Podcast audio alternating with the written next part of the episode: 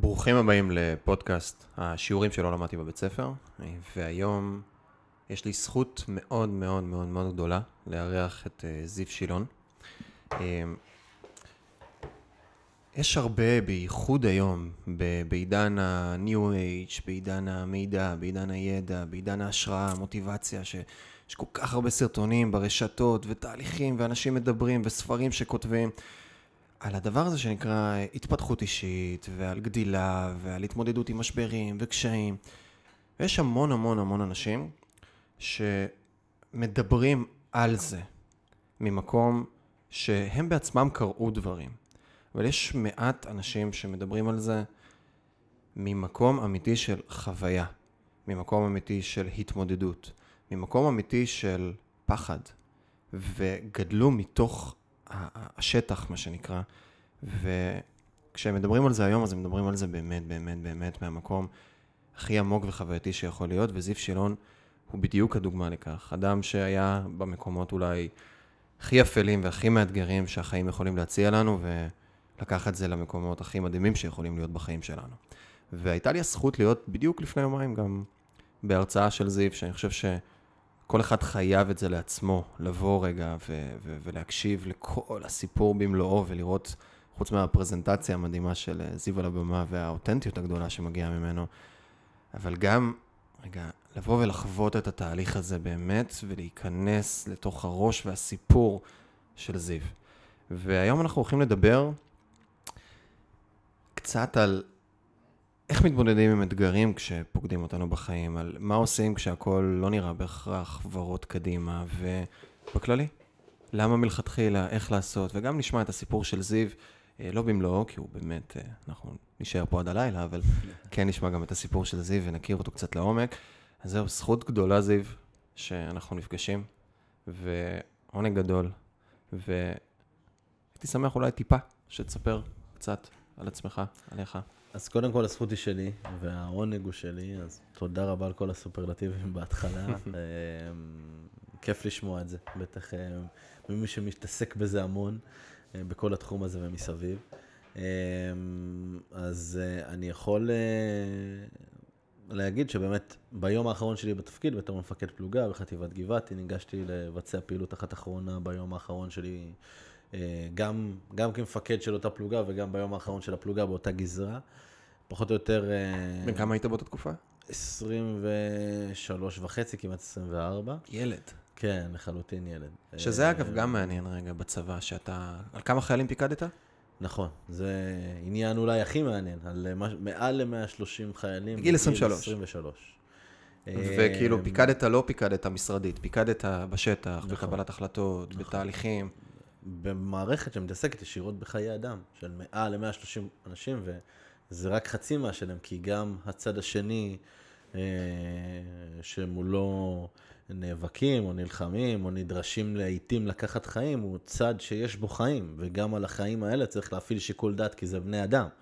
וכשאתה עומד מול בני אדם משני הצדדים, מצד אחד חיילים שלך, שאתה צריך לשמור על חיים, ומצד שני אה, מחבלים שנמצאים בתוך אוכלוסייה אזרחית שאתה לא רוצה לפגוע בה בשום צורה שהיא, כי כשמעל הכל, מעבר לכל התחקירים ומעבר לכל ההוראות, כשאתה הולך לישון עם עצמך בלילה אחרי שלקחת חיים, אתה, אתה שואל את עצמך עשר או עשרים או שלושים פעם, אם אתה בכלל מצליח להירדם, האם החיים שלקחתי אה, נלקחו בצדק.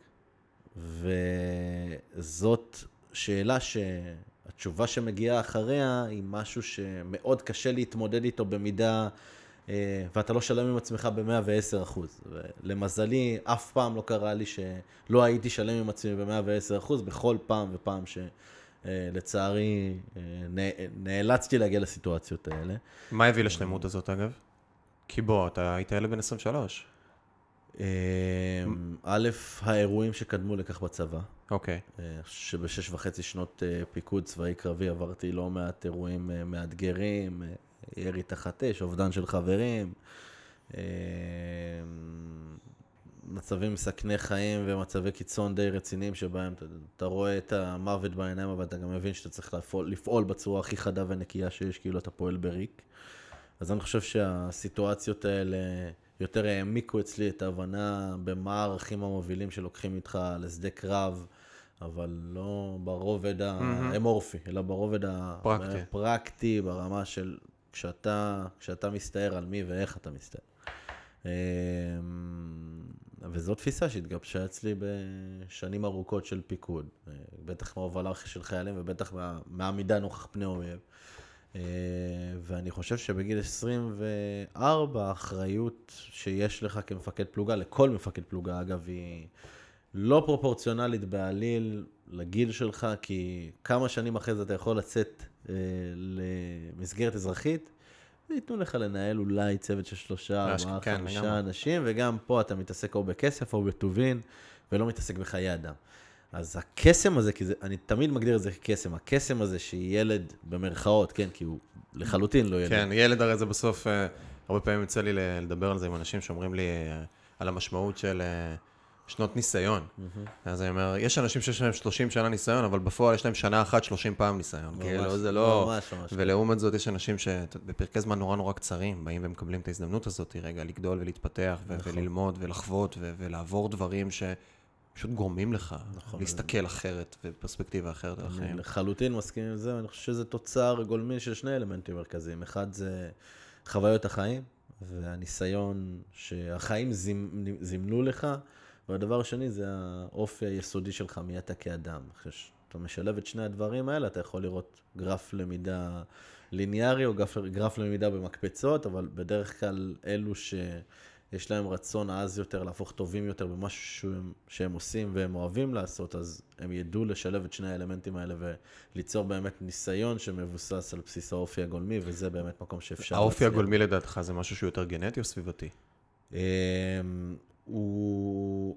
אני מגדיר אותו כמשהו גנטי. גנטי. כי כשאני נותן, כשאני מדבר על שני אלמנטים, אז אם אני מדבר על גנטיקה כמוצר גולמי אחד, אז השני הוא לחלוטין ניסיון החיים, אבל לא רק מהרגע שנכנסת לאותה סיטואציה בסיסית או ספציפית, אלא מ- מהרגע שנולדת. מה היו החוויות. שעיצבו אותך להגיע למצב שבו האופי הגולמי שלך הושפע והשתנה בעקבותם. אז זה לא משנה אם זה משחק כדורגל שהפסדת בו בילדות, או מהמם, כן. אה, נוכח אה, שלושה מחבלים שהגיעו לחסל אותך, אז כל אחד ואחד מהחוויות האלה הן חוויות ש... שמשפיעות, ואני חושב שזה שילוב של שניהם. מהמם. אז אה, חוזרים ליום האחרון. חוזרים ליום האחרון, ניגשתי לפתוח שער בגדר, אה, פחות או יותר בשעה שש בבוקר, סרקנו את הגדר הזאת באמת עשרות פעמים במהלך הלילה, וכשניגשתי לפתוח את השער, זה היה שער רביעי שפתחנו באותו לילה. פתחתי אותו, ועל השער הזה הוטמן אה, מטען בצורה יחסית מתוחכמת, שלא הצלחנו לאתר, לא עם הכוחות לפני ולא עם הכוחות אה, עם כמה חיילים היית? לבד. הכוח שלי היה 250 מטר מאחורי בתצפית, כי היה לנו איומי צליפה מאוד קונקרטיים, גם מהיסטוריה גזרתית וגם כי כבר היה אור יום כמה אנשים יצאתם המון. זו המון. הייתה פעילות של... אז יש לי רגע שאלה. מעל ל-100 אנשים. יש לי רגע שאלה שהיא חצי ערכית, חצי גישתית. אתה קצין. החבר'ה שאיתך הם לוחמים. לוחמים. יכול להיות שחלקם סמלים, חלקם אה, סמ"רים, שהם נמצאים איתך. שהאחריות שלהם באותו רגע היא פחותה, בסדר? ברמת המ... נכון. המשמעות של אחד מהם, חס וחלילה, שנפצע, היא פחותה מאשר המשמעות שלך שאמור לקבל את ההחלטות בשטח, נכון? נכון. למה אתה הולך לפתוח את השער ולא הם? יש כאן... ולמה אתה לבד? אז אה, יש, יש בשאלה הזאת שני מרכיבים מרכזיים. אחד זה קבלת החלטה בשדה קרב, והבנה מהו שדה הקרב, ופה זו הייתה פעילות שהיא לא הייתה בתוך לחימה שוטפת, אה, או איזשהו מבצע, אלא פעולה שהייתה בתוך הביטחון השוטף, נוהגים לקרוא לזה ככה, עם הרבה מאוד כוחות שפעלו. ופה היו גם מג"דים ועוד מ"פים שהשתתפו בפעילות באזורים מסוימים. אמ, זה צד אחד, והצד השני זה הצד של איך אני מאזן בין כפות המאזניים של דוגמה אישית לבין מהמם. מקצועיות. ואני באותו רגע בשטח קיבלתי את ההחלטה הזאת בהבנה שדוגמה אישית כאן היא משהו שהוא ערך עליון, והיכולת לעמוד בראש הלוחמים שלך ולהוביל אותם בסיטואציה הספציפית הזאת עלתה אה, בכמה רמות אל מול אה, עובדה שמקצועית, אם מ"פ נפצע זה הרבה יותר גרוע עם, ח- מ- מ- מ- מאשר אם חייל נפצע. זאת אומרת, כשאני הסתכלתי על הסיטואציה, אמרתי, אם כבר יש כאן דרך שצריך לעבור בצורה נסתרת אל מול ירי צלפים, ויש כאן מישהו שצריך לעשות את הפתיחה המסוכנת הראשונית בצורה האולטימטיבית כאינדיבידואל, זה לא אחד הקשרים שלי. אלא פה, בנקודות האלה, אני חשתי שיש את ריכוז הקושי הכי גדול בפעילות, ולכן כאשר יש כאן ריכוז קושי או אתגר הכי גדול מקצועית ובטיחותית וביטחונית לעשות אה, אה, בתוך פעילות ספציפית, מספר אחד צריך להוביל אותו. זה כמו שכל הזמן אה, יש את הדילמה הזאת אה, ב, אה, במהלך איזושהי הקפצה או איזשהו אירוע חריג, יושבים המ"מ והסמל בחדר. המ"מ והסמל, שניהם מחליפים כוננויות ביניהם, הסמל באותו רגע נכון, נתון בכוננות, בסדר? המ"מ לא בכוננות, על מדס. באה ההקפצה. האם המ"מ הספיק להתארגן לפני שהסמל יצא עם הרכב לתוך ההקפצה והמ"מ לא עיכב את הכוח? כמובן שבעדיפות ראשונה שהמ"מ הוא יהיה זה, במידה ואין לו אחריות אה, אה, אחרת באותו רגע. אחרת באותו רגע, יהיה זה שיקפוץ לאותה פעילות, כנ"ל גם לגבי מ"פ. למה אני אומר את זה?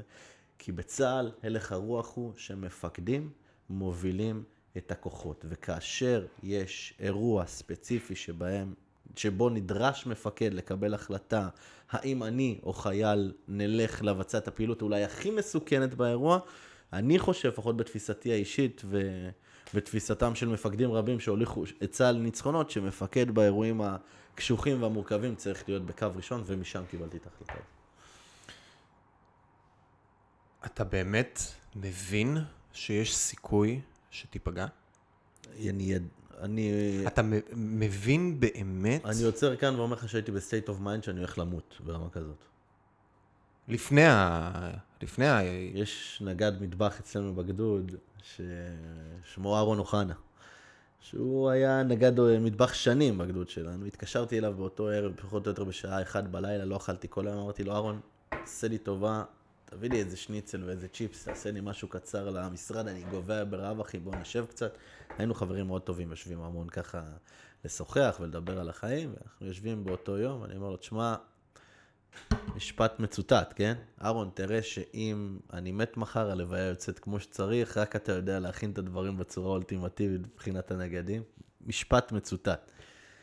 הרגשתי שמשהו הולך לקרות, ואומרים שאינטואיציה זה לא איזה משהו שהוא אה, צף, אלא אינטואיציה מורכבת מכמה מרכיבים שהם מאוד מוחשיים. אחד כן. מהם זה היסטוריה גזרתית, ידע מה קרה בגזרה הזאת בעבר. שתיים, זה ניסיון אישי, והיכולת להבין שבסיטואציות כאלה יש סיכון שהוא מתגבר, והכרתי את עזה מצוין. ושלוש, זה איזושהי חשיבה אסטרטגית שיושבת לך בראש, שיכולה להוביל אותך להבנה שבמידה ותצא פעולה כזאת, משהו כזה יקרה. עכשיו, אני לא חששתי ממטען, כי היה לנו שם את כל הכוחות האפשריים שהיו אמורים לוודא שלא היה מטען על הגדר. אמ, אני חששתי מירי צליפה, וכשירדתי לגדר הייתי בטוח שאני מקבל כדור, כדור בראש, וכשקיבלתי את ההחלטה אמ, לרדת לבד, זה נע משני האלמנטים האלה, שאם כבר מישהו נפגע זה אני, ולא אחד מהחיילים, ודבר שני, בגלל שהמטרה שלי הייתה לחסוך אה, בכוח אדם שיורד לגדר, כי ההיסטוריה גזרת, גזרתית נשענה על כך שבאירוע שקדם ירדו כוח, כוח של, ירד כוח מאוד מאוד גדול של לוחמים לגדר, ובגלל שהם היו הרבה, צלף שנמצא בקו בתים ראשון איתר. היה לו קל, כן. בדיוק. אמרתי, אם מישהו ידע לעשות את הדרך מקצועית, הכי נסתרת לגדר, זה אני. הרבה יותר מחייל, ניווטתי הרבה מאוד ניווטים בחיים שלי, אני יודע לקרוא שטח בצורה יותר מסודרת, אני יודע להבין מה האויב רואה הרבה יותר טוב מחייל שנמצא שנה בצבא, כי זה המקצוע שלי. וכשאני קיבלתי את ההחלטה הזאת, אמרתי, אוקיי, אז זה גם מורכב מהסיכון, שאם כבר מישהו מסתכן זה מפקד, כי זה הלך הרוח בצה"ל.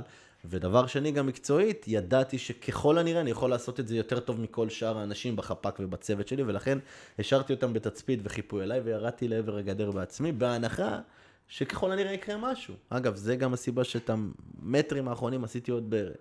בחצי זחילה לגדר. רק כשממש עמדתי מול הגדר, אה, הבנתי שהצלחתי להגיע יחסית בצורה נסתרת, אבל עדיין הידיים שלי רעדו. וואלה. ישב לי בראש טוב, טוב, טוב שהולך לקרות משהו. יש פחד. ברור, כמו בכל סיטואציה, אתה יודע, אתה יודע, הפחד יורד כשמתחילים לעוף כדורים.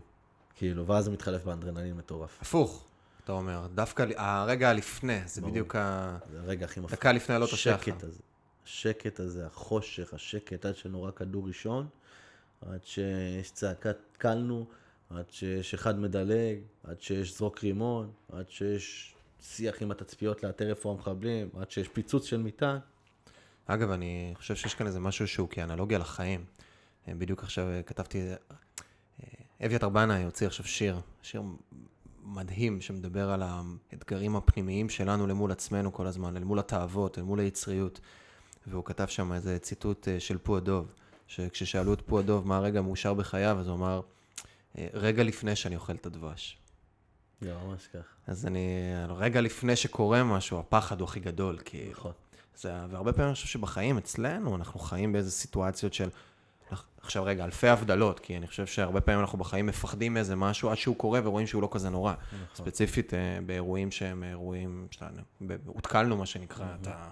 באמת זה אירועים שהם לא, לא פשוטים וקורים מהם דברים גם לא טריוויאליים. אבל אם אני רגע לוקח, בחיים הרבה אנחנו מפחדים מדברים שלא בהכרח כאלה מפחידים. נכון, הפחד עצמו יותר מפחיד מאשר עצם העשייה. נכון. שם קוד עמידה מול קהל כזה, או כל מיני דברים בגזרות האלה, שוואנס נכנסים לזה, זה כבר פחות, וזה גם, מדברים על עמידה מול קהל, יש הרבה מחקרים שלקחו אנשים לפני שהם עולים לבמה, והם מדדו את אה, קצב דפיקות הלב, כקורלציה, ו- וקצת אה, אחוז לחות בגוף, הזעה וכו'. הרגעים הכי מפחידים זה לפני, 40 ואז- שניות הראשון. בדיוק 40 שניות, אחרי זה זה יורד לאט לאט, ואז אתה כבר נכנס, אתה כבר בפנים, זה כבר לא כזה נורא. נכון. אמ, שזה מעניין. אוקיי, ואז אה, התקרבת, אחד המפקדים, החברים הטובים שלי מהצבא, תמיד אמר אה, שהלוואי שהוא היה יכול להתחיל כל תהליך מהאמצע. הוא שונא התחלות. אז אה, כן, זו אנלוגיה די ברורה לאזורים האלה, אבל כן, זה, זה תמיד שם, גם ב, במקומות שהם לא נורמטיביים ברמת, ה, לא נורמטיביים ברמת ההתמודדות, זאת אומרת, הנקודות קיצון האלה, היתקלות, ירי, מטען, מחלה מאוד קשה באנלוגיה לחיים, אה, איזושהי קריסה כלכלית, גירושין ואובדן של המשפחה, דברים באמת שהם בקצה, בסופו של דבר, אני חושב שהפחד לפני הוא כי עוד לא התרגלת, וכי עוד לא כן. חווית.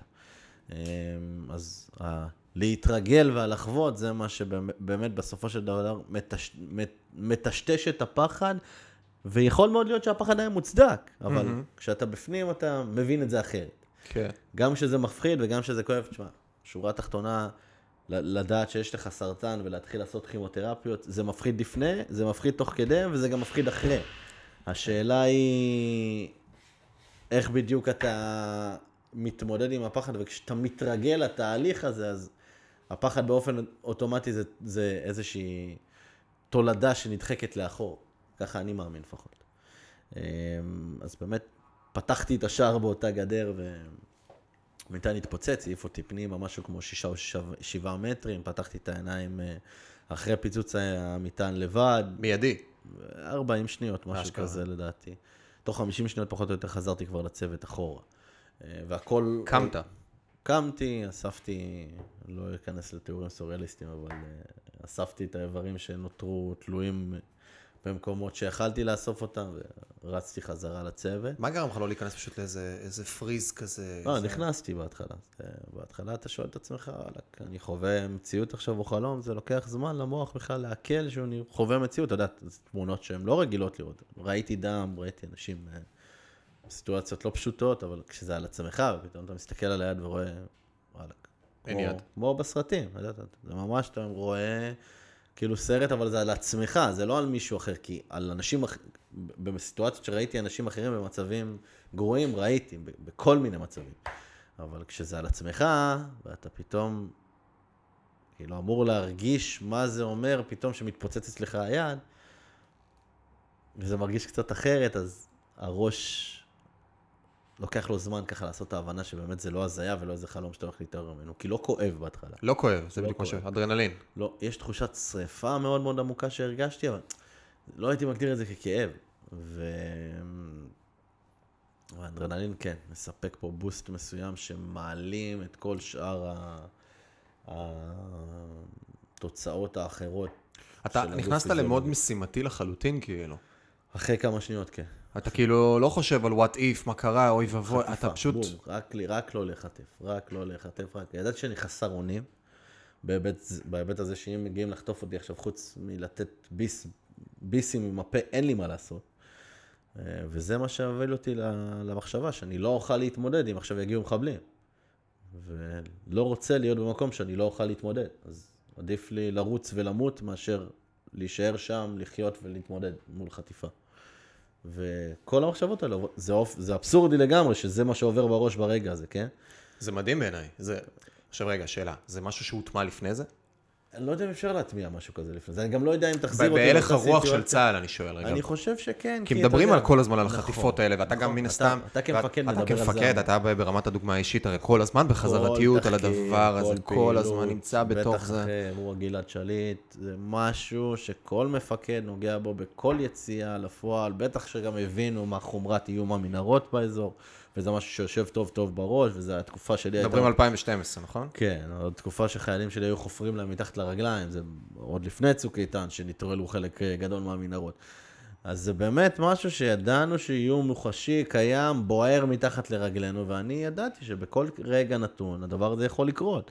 ובגלל שאתה מתדרך את החיילים שלך כל הזמן לשם, אז באופן טבעי, גם בסיטואציות קצה, הראש שלך ניגש לשם, וכשהחשיבה שלך ניגשת לשם, אתה פשוט, או שאתה מתמוטט, כי אתה לא יכול לשאת את הלחץ, או שאתה מצליח לנטרל את הלחץ ולעבוד בצורה רובוטית. פה, ב... בנישה הזאת של לנטרל את הלחץ ולעבוד בצורה, רוב... בצורה רובוטית, כן, אני חושב שיש אמ...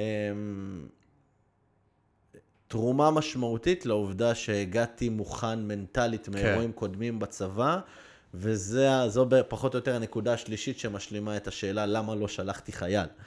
כי אני לא יודע, א', זה גם הנקודה הזאת מתחלקת לשניים.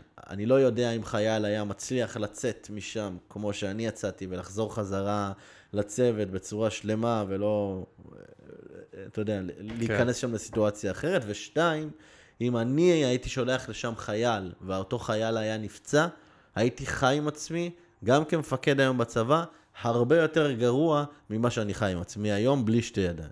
זו תובנה שלקח לי הרבה זמן להגיע אליה, אבל אני יודע להגיד אותה היום בצורה מאוד מאוד ברורה. אני מעדיף שאני כזיו נפצעתי, ולא שאחד החיילים שלי אה, אה, נסע בעול הזה.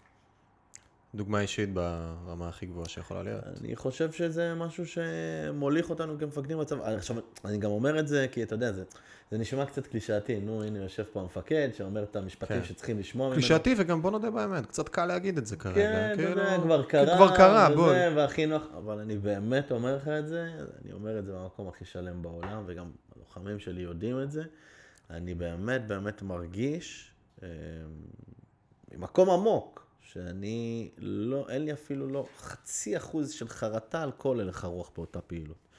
אה, כי אני חושב שהתנהלתי כמו שהתנהלתי לפני כן, וכמו שהייתי מתנהל אחרי כן, בדרך שבה האמנתי בצדקת הדרך שלי כמפקד, ואיך שאני חושב שצריך לפקד בשדה קרב. אה, ומכאן אני אומר לך שזה באמת מגיע מהמקום אולי הכי שלם שאפשר להגיע, להגיד את זה, שזה לגמרי גם מה שעזר לי לא להתעסק בחרטות, כי בדרך כלל מי שלא שלם עם עצמו על משהו שהוא עשה, אז הוא מתעסק כל הזמן בלמה היה ולמה היה ולמה היה, ואז הוא. נשאר בעיה. אני, אני, אולי אני טיפה מקדים את המאוחר, אבל לא עבר לך בראש של למה מלכתחילה? כן, זה לא. לא עבר לך לא, בראש. אני מבין את השאלה מאוד, אבל זה מה שעזר לי לגדול. בש... אם, אם אני הייתי צריך לשאת על עצמי את נטל השינוי והמעבריות מבין להיות בן אדם בריא, מ"פ בצבא, עם אחריות אדירה, למקום שבו אני שוכב במיטה, מנוטרל משתי ידיים, צריכים, סליחה, כן, לנגב לי את התחת, ולהאכיל אותי, ולהלביש אותי, ולקלח אותי, לא הייתי יכול לשאת בנטל הש... השינוי העצום הזה, יחד עם העובדה שאני מתעסק בחרטה היום. עצם העובדה שמהרגע הראשון אף פעם לא התעסקתי בחרטה והייתי שלם עם כל צעד שעשיתי בשטח, וגם אם הייתי מחזיר אותי לשם עוד עשר פעמים, הייתי בוחר לעשות את אותו דבר בדיוק, זה מה שנתן לי לא להתעסק בעבר. וההתעסקות היחידה שהייתה לי בעבר זה בקשר שלי לבית הזה שנקרא גבעתי ולחטיבה הזאת ולזיכרונות הטובים שהיו לי. אה, ולא לחרטות בפעילות ספציפיות, בפעילות ספציפית כזאת או אחרת. אה, אני חושב שזו החלטה מאוד משמעותית בחיים. זאת החלטה? אני חושב שמאוד עניין של בחירה והחלטה. אתה לא חושב שזה זה משהו ש... בין אם זה חינוך, בין אם זה מטען גנטי, או בין אם זה איזשהו תהליכים שעברנו עם עצמנו שמביאים אותנו למקום של להגיד מה שנקרא it is what it is, זה מה יש, זה מה שקרה כרגע. האם הייתי משנה אחורה בהינתן וכן, אז בואו נלמד מזה לפעם הבאה. אם לא הייתי משנה אחורה, טוב, אז קרה. ועכשיו בואו נסתכל קדימה. אתה חושב שזו החלטה? או שזה משהו שהוא פשוט טבוע מערכים, מחינוך, מהוויה? אז בוא אני אגיד לך שאני, בפורום הגולמית שלי, אני בן אדם מאוד אופטימי. ואם אני ממתג את עצמי במקום של בן אדם אופטימי על הסקאלה, אז אני מניח שבן אדם פסימי, הייתה לו נטייה להתעסק בזה קצת יותר. ואני אומר לך שלי, לקחו שלושה חודשים, לקום כל בוקר ולהגיד אני לא מתחרט על כלום ואני שמח על החיים, בשביל לנטרל את האולי הזה. את האולי אתה תתחרט, אולי אתה תחשוב. אני כל בוקר קמתי עם עצמי ונלחמתי, בחירה, לא להתחרט. לא להגיד לא עשיתי, לא, לא, לא להתעסק במשקעים של מה היה קורה אם. אלא לבחור כל בוקר להגיד אני מסתכל קדימה עכשיו. וכן, יש כאן השלכה גולמית, כי יש סקאלה של אופטימי-פסימי, אבל... שהיא גם נעה במק- גם אם אתה, אתה לא נשאר במקום מסוים. נכון. יש לך רגעים שבא לך... חד משמעית, אבל אני מדבר על, ה, על, על בן אדם באופי הגולמי שלי, בלי כן. חוויות חיים. אז אני כל חיי נהגתי להיות בן אדם אופטימי. ואם אני כבן אדם אופטימי הייתי צריך לעבוד מאוד מאוד קשה בשביל לנטרל את הדחף הזה להתעסק בהיסטוריה, אז אני מניח שבן אדם פסימי צריך להתעסק בזה עוד יותר, ולכן זה עוד יותר מחזק את הנקודה שאני חושב שזו בחירה. בחירה לחלוטין מודעת ומושכלת, לדעת להגיד, אני יותר גדול ממה שהיה. בסדר? גם אם היה טוב וגם אם היה רע, ולהגיד, אני עשיתי את מה שעשיתי עם האמת שלי. אם בן אדם שרוי באיזושהי, או קונספציה, או באיזושהי תפיסה שהיא באמת מציאותית, שהוא עשה את כל מה שלא היה צריך לעשות שם, בניגוד גמור לאיך שהוא תופס את החיים ואיך שהוא מאמין, אז אני מניח שאם הוא ירצה או לא, הוא לא, או לא ירצה, הוא יצטרך להתעסק בחרטה. אבל אם אתה שלם, ואתה יודע שעשית את כל מה שהיית צריך לעשות על פי הערכים שלך ועל פי הדברים שאתה למדת, וגם ברמה, ברמה המקצועית וגם ברמה הערכית, למה לנסות לסתור את זה? למה לנסות לחפור במשהו שהוא לא רלוונטי ולשנות אצלך תפיסה שמסייעת לך להתקדם קדימה? עכשיו, זו נטייה בסיסית כן. של הרבה אנשים, אתה יודע, יש, אתה כבר נמצא באיזושהי תפיסה מסוימת, אתה יודע שמהמקום הזה של התפיסה הרגשית, אני לא מדבר על פן מקצועי, הרגשית, זה המקום הבסיסי, מקום היסוד הכי טוב בשבילך בשביל לגדול קדימה. אז לחפור עכשיו במה היה קורה אם הייתי משנה כל אחד ואחד מהדברים הקטנים, מה זה ייתן? אם זה היה נותן לך איזושהי תולדה, מקצועית שתשפיע עליך בעתיד, אם לחלופין, אם לצורך העניין הייתי ממשיך בצבא בתור מפקד והייתי צריך לחפור באירוע ברמה המקצועית בשביל להוציא ממנו תובנות כלפיי וכלפי אחרים שיעזרו לשדרג את השיטה לאבא עבורי כמפקד, אז אולי היה שווה להתעסק בזה. אבל אם זה כבר לא עולם התוכן שלי, ואני כבר לא הולך להוביל לוחמים בקרב, ואני יודע שמה שעשיתי שם היה מבחינתי מוצר שהוא... הבאתי אותו ברמה הכי אה, גמורה ושלמה בהסתכלות על זיו כמפקד וזיו כמקצוען.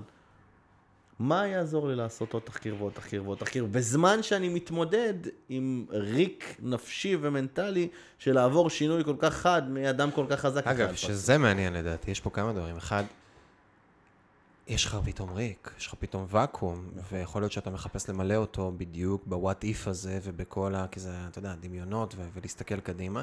יש משפט אה, מוכר גם מהעולם הצבאי, אה, עם שאינו יודע את עברו, ההווה שלו דל ועתידו לוט בערפל. אז אני חושב שיש לזה גם כן הרבה משקל. כן, אני צריך ללמוד מזה, להבין מזה, אבל לתת לזה את המקום של, אוקיי, זה אמור, למדתי, שחררתי, התקדמתי. אבל אני חוזר למשהו שאתה אמרת, אמרת, בשלושה החודשים הראשונים. נכון. לקח לך שלושה חודשים ראשונים. נכון. מה היה בשלושה חודשים הראשונים? בשלושה חודשים הראשונים אתה נמצא במלחמה אינסופית של במה להתעסק. וכל הזמן צפות לך לראש מחשבות שליליות מכל מיני זוויות. האם להתעסק בחרטה? האם להתעסק בקושי? האם להתעסק באיך אתה משפיע על יש לך גם פתאום מלא זמן פנוי. שעות על גבי שעות. אתה פשוט שוכב במיטה. נכון? לא עושה כלום חוץ היית, אם אני רגע חוזר ברשותך לכרונולוגיה של הסיטואציה, קמת, הלכת את ה-250 מטרים האלה, ואז הגעת לצוות שלך? הגעתי, נתנו לי טיפול ראשוני, הרופא הגדולי נתן לי טיפול ראשוני, פוניתי לבית חולים סורוקה, נכנסתי להרדמה מלאה, אה, הייתי מורדם ומונשם ארבעה ימים, עברתי... היית על התווך בין חיים למוות. הייתי ממש בשעות אה, היותר מתקדמות בבית חולים סורוקה, הייתי כמעט אה, על סף מוות, במצב לא יציב. הייתי מורדם ומונשם לסירוגין ארבעה ימים, קיבלתי המון המון דם, כי פשוט איבדתי המון דם תוך כדי ריצה. ונשארת ער כל התקופה של ה... נשארתי ער עד שהרדימו אותי בכפייה, כאילו, עם, עם אה, חומרים. נלחמת בזה או שזה פשוט... לא, זה, זה בא. וואלה. כן, נלחמתי בזה, אני חושב, קצת במסוק, כשאני חושב על זה, אבל האנדרנלין כנראה הושפרץ. אדרנלין וכנראה גם. אתה קצת, זה לא רק אדרנלין. לא יודע. הווייתך. אה, יכול להיות, יכול להיות, אבל אני באמת, אה, אתה יודע, עד ש... שהזריקו לי את החומרי הרדמה, באמת נותרתי בהכרה מלאה תקופה, ואז כן, אתה מתעורר אחרי סבב ניתוחים ראשון, אתה מתעורר לתוך ריק לחודשים של מחשבות. עכשיו, אתה צריך לתעל את המחשבות האלה לכיוונים שאתה רוצה. זה לא אומר שהמחשבות על חרטה, או על מה היה, או על מה היה צריך להיות, או על למה מישהו לא עשה משהו שהוא היה צריך, והוא היה חוסך את החיים שלי או את הידיים שלי.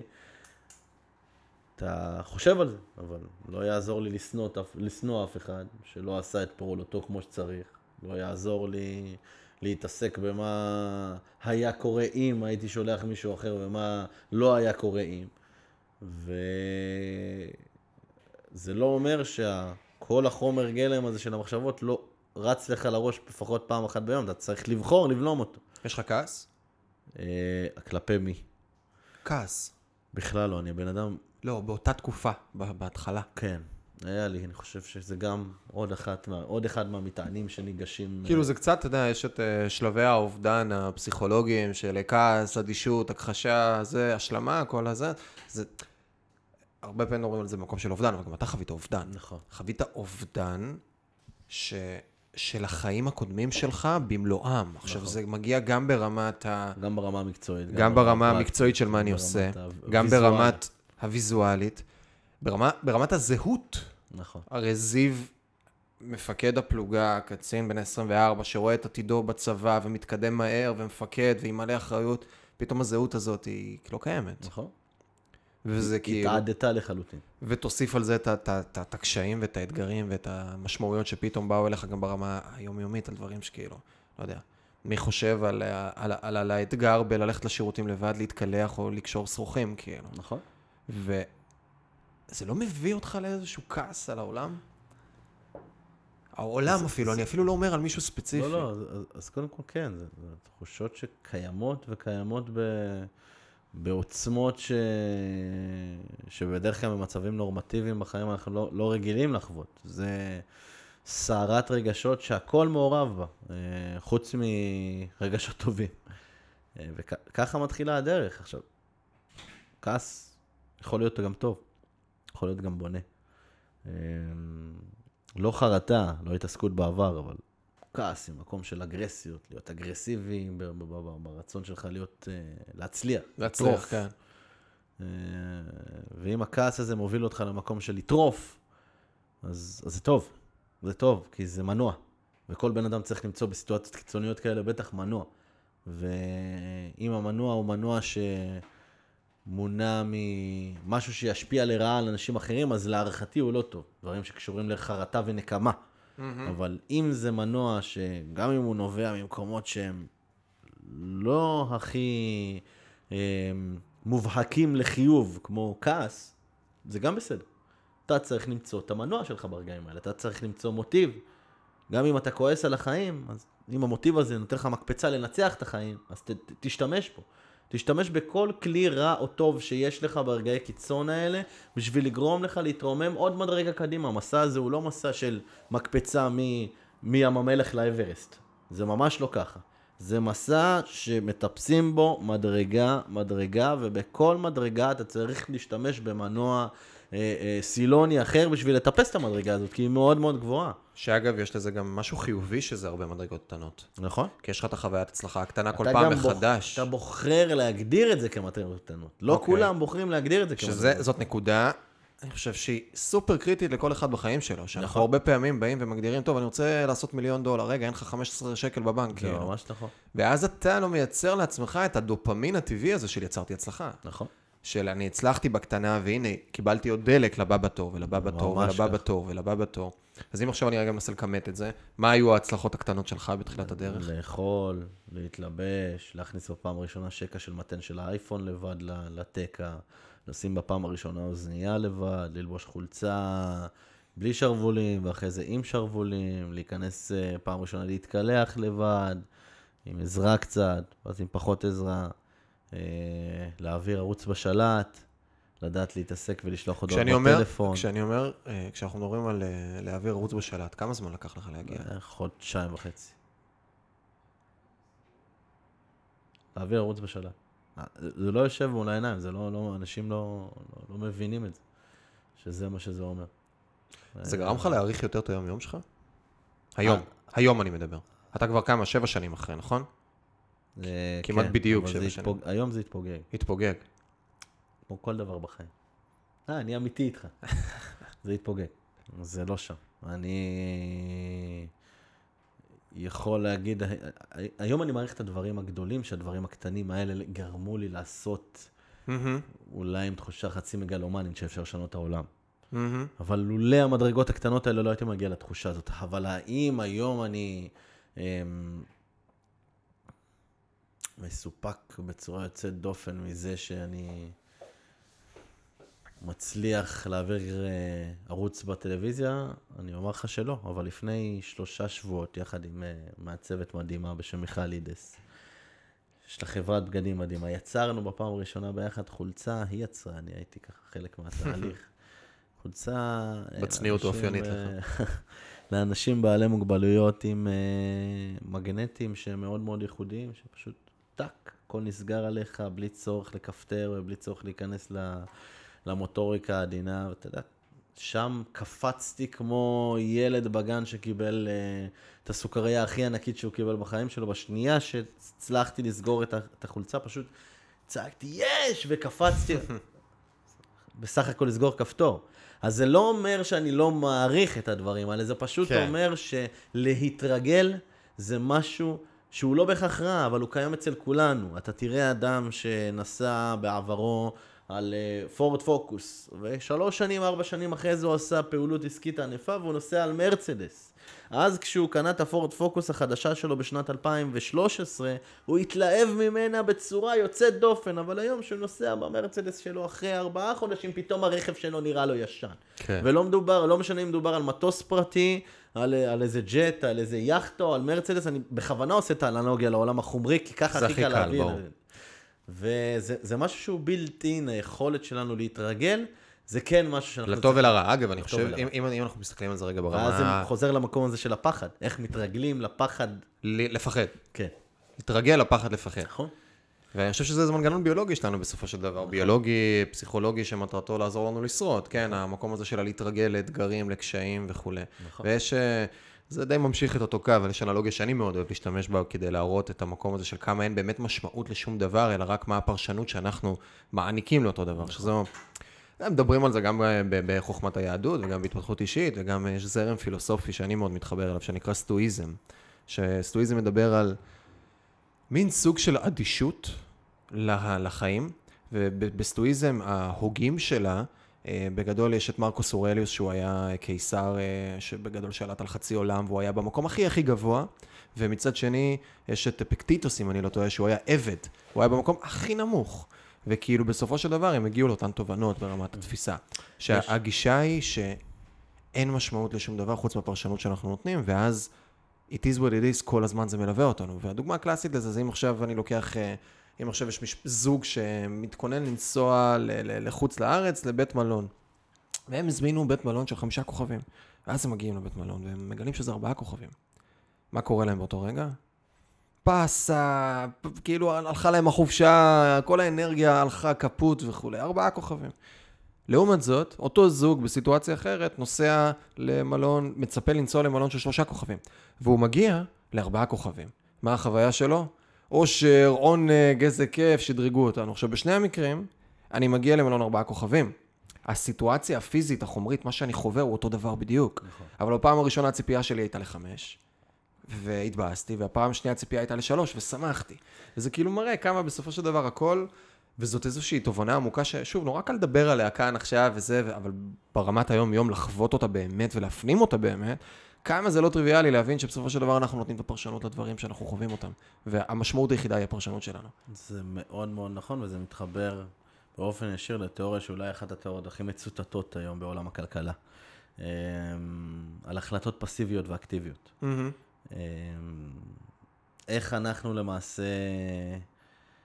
מובילים בכך שאנחנו אדישים לאיזשהו משהו, או לא מקבלים בתוך תוכן מסוים, בתוך תהליך מסוים, החלטות אקטיביות, לזה שאנחנו פשוט לא יוצאים מאזור הנוחות שלנו.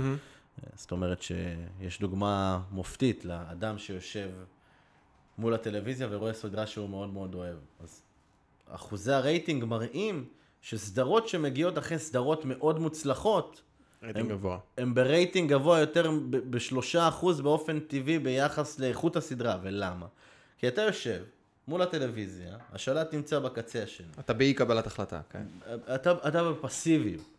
והעובדה הזאת שמקבלים החלטה פסיבית, זה משהו שמוליך אותנו הלך הרוח של להתרגל, של להיות רגילים לאיזשהו. תהליכים אקטיביים וקבלת החלטה אקטיבית, כמו לפתוח שקית של מזון, או להעביר ערוץ ב, ב, ב, ב, בשלט, או לחלופין להגיע למלון הזה, ולדעת שאם יש מלון במרחק של כמה בלוקים משם, ויציעו לאותו בן אדם שהתאכזב כי הוא הגיע למלון שהוא לא ציפה להגיע אליו, לעבור לאותו מלון אחר, בהנחה והוא כבר התמקם באותו מלון, 90 אחוז שיגיד, אה, עזוב אותי, אני כבר פה. יש את הדוגמה הכי, הכי, הכי חזקה למה שאתה אומר, שכתובה בספר של דן אריאלי. שב... זה או- מאמר שהוא בערך צוטט. אה, של. דן אריאלי? לא, לא, לא של המאמר? זה של שני... אה, חבר'ה של אה, הכלכלה. אגב, התנהגותית.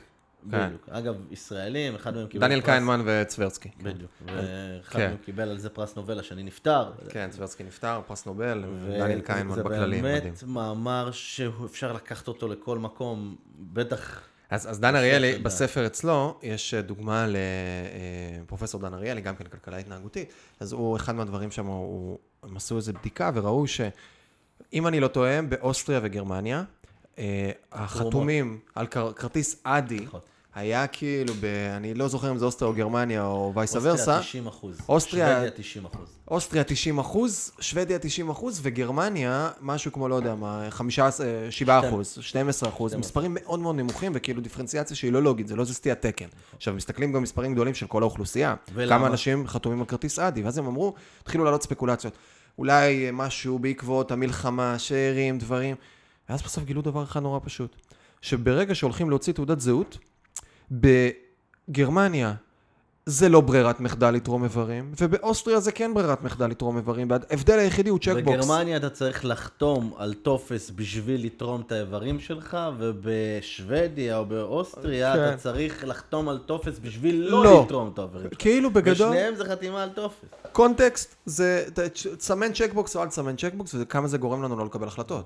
עכשיו, איפה זה לדעתך משפיע עלינו בחיים האישיים שלנו? כל דבר, לא רק בחיים האישיים, גם בחיים הקולקטיביים. מראים את- את אותה דוגמה בדיוק, על פיצה שאדם מקבל עם תוספות, ופיצה שאדם מקבל בלי תוספות. הפיצה בלי התוספות היא מאוד מאוד זולה, הפיצה עם תוספות היא זולה באותה מידה, בהנחה והוספת לפיצה בלי תוספות נוספות, ומראים תמיד שהבן אדם יאכל יותר תוספות בברירת המחדל שבו הוא מקבל 12 מלכ- מלכתחילה. לקחו את התהליך הזה, שהוא מאוד פרסונלי באכילת פיצה, והשליכו אותו על uh, תהליך השלום של פלסטינאים וישראלים. והראו שכאשר נותנים רשימת מכולת שהיא אה, דמויה לתוספות בפיצה לישראלים ופלסטינאים, שיודעים דבר או שניים, כולם אקדמאים, אה, למלא איזה יישובים צריך, איזה יישובים אפשר לוותר עליהם, לסמן בעיגול, או שלסמן בעיגול את היישובים שאי אפשר לוותר עליהם, השינויים דרסטי. בצורה קיצונית. ואתה מבין כאילו איך התנהגות של אדם עובדת הרבה. על חוסר רציונליות. ב, אני לא, לא, כל אחד הוא רציונלי ב, ב, בעולמו, כן? אבל זה, זה התנהגות שבמידה והעיניים של אדם פקוחות לעובדה הזאת, והוא יודע ויש לו את הידע והוא לומד וחוקר, יש לו את היכולת להתנהל בתוך מצבים שהם גם, עם, גם, גם כשהם מצבי קיצון, בצורה יותר מושכלת. וזה מה שניסיתי לעשות כל הזמן בחודשים הראשונים. לדחוק את המחשבות השליליות. היית אבל כבר ברמת מודעות וללמוד. כזאת, כמו שאתה מדבר לא, עליה היום? לא, ממש, לא הייתי ברמת מודעות של כלום. הייתי ברמת מודעות... כי מה חווית, כאילו, לא בזה, חווית, היית היית במסגרת מאוד. ספציפית, בדיוק. מאוד, אה, להערכתי גם מאוד אהבתי את זה ועשיתי את זה בצורה איכותית. הייתי ברמת עולם תוכן של להיות מאוד מקצוען במה שעשיתי, והי, ולכן הייתי שלם עם אותה פעילות ש, שהייתה לי האחרונה, כי ידעתי שגם מקצועית וגם ערכית התנהלתי בכל דרך שהייתי יכול להתנהל, וזה היה עולמות תוכן שלי, מקצועית, צבאית וערכית מנהיגותית. ו- ו- ו- ומכל העולמות תוכן האלה פתאום הייתי צריך לפתח גישה שונה לחלוטין, שהיא גישה נטו פרסונלית, איך אני מתמודד עם עצמי. כי זה פעם ראשונה ש... אגב, בתקופת הצבא ביטלתי את עצמי לחלוטין. לא היה מקום לזיו בתוך כל הכאוס הזה. יש כאן 130 חיילים שצריכים לאכול, שצריכים להתאמן, שצריכים לרוץ, שהם מגיעים הביתה, צריך שיהיה להם מקום לישון, וכשלאימא שלהם ולמשפחות שלהם יהיה מה לאכול, וגם על זה אני אחראי. ובתוך כל הכאוס הזה, חוץ מלשתות בירה ביום שישי בערב, לא היה לי מקום לזיו, לא היה לי מקום לזוגיות שלי, לא היה לי מקום למשפחה שלי, ופתאום, אם אני רגע מוציא זוגיות ומשפחה, אבל זה גם משהו שאני נמצא בתוכו הרבה. אני כאילו מצד אחד מדבר על זה, כן, אני בונה את עצמי לעתיד וכולי, אבל תכלס, היית בהגשמה עצמית. נכון, היית במשמעות אדירה לעצמך. נכון. אז כנראה, אז אני דווקא תופס את זה, לא ביטלת את זיו. ביטלתי אלא את היית הבעיות שלי. במאה אחוז, נכון. ב- במאה אחוז מקסום והוויה של זיו. של צד אחד של זה. של צד אחד של זיו, כי אנחנו בסוף כן. אגב, טוטליות, לא יודע אם צד אחד של זיו. אני, אני יכול להגיד לך ש... אני חושב שבן בן יכול להיות שכן אנשים סביבך, בסופו של דבר, קיבלו פחות בן זיו. אדם שהוא נמצא בהרמוניה, הרמוניה זו מילה טובה. הוא צריך להיות באיזון. הרמוניה זה איזון לדעתך? והרמוניה זה הרבה מאוד, הרמוניה מורכבת מאיזון. זה ג'ף בזוס, אה, האיש העשיר בעולם, מנכ"ל אמזון, איזה פעם שאלו אותו על Work-Life Balance, על המקום הזה, כי הבן אדם אה, עובד, בסדר?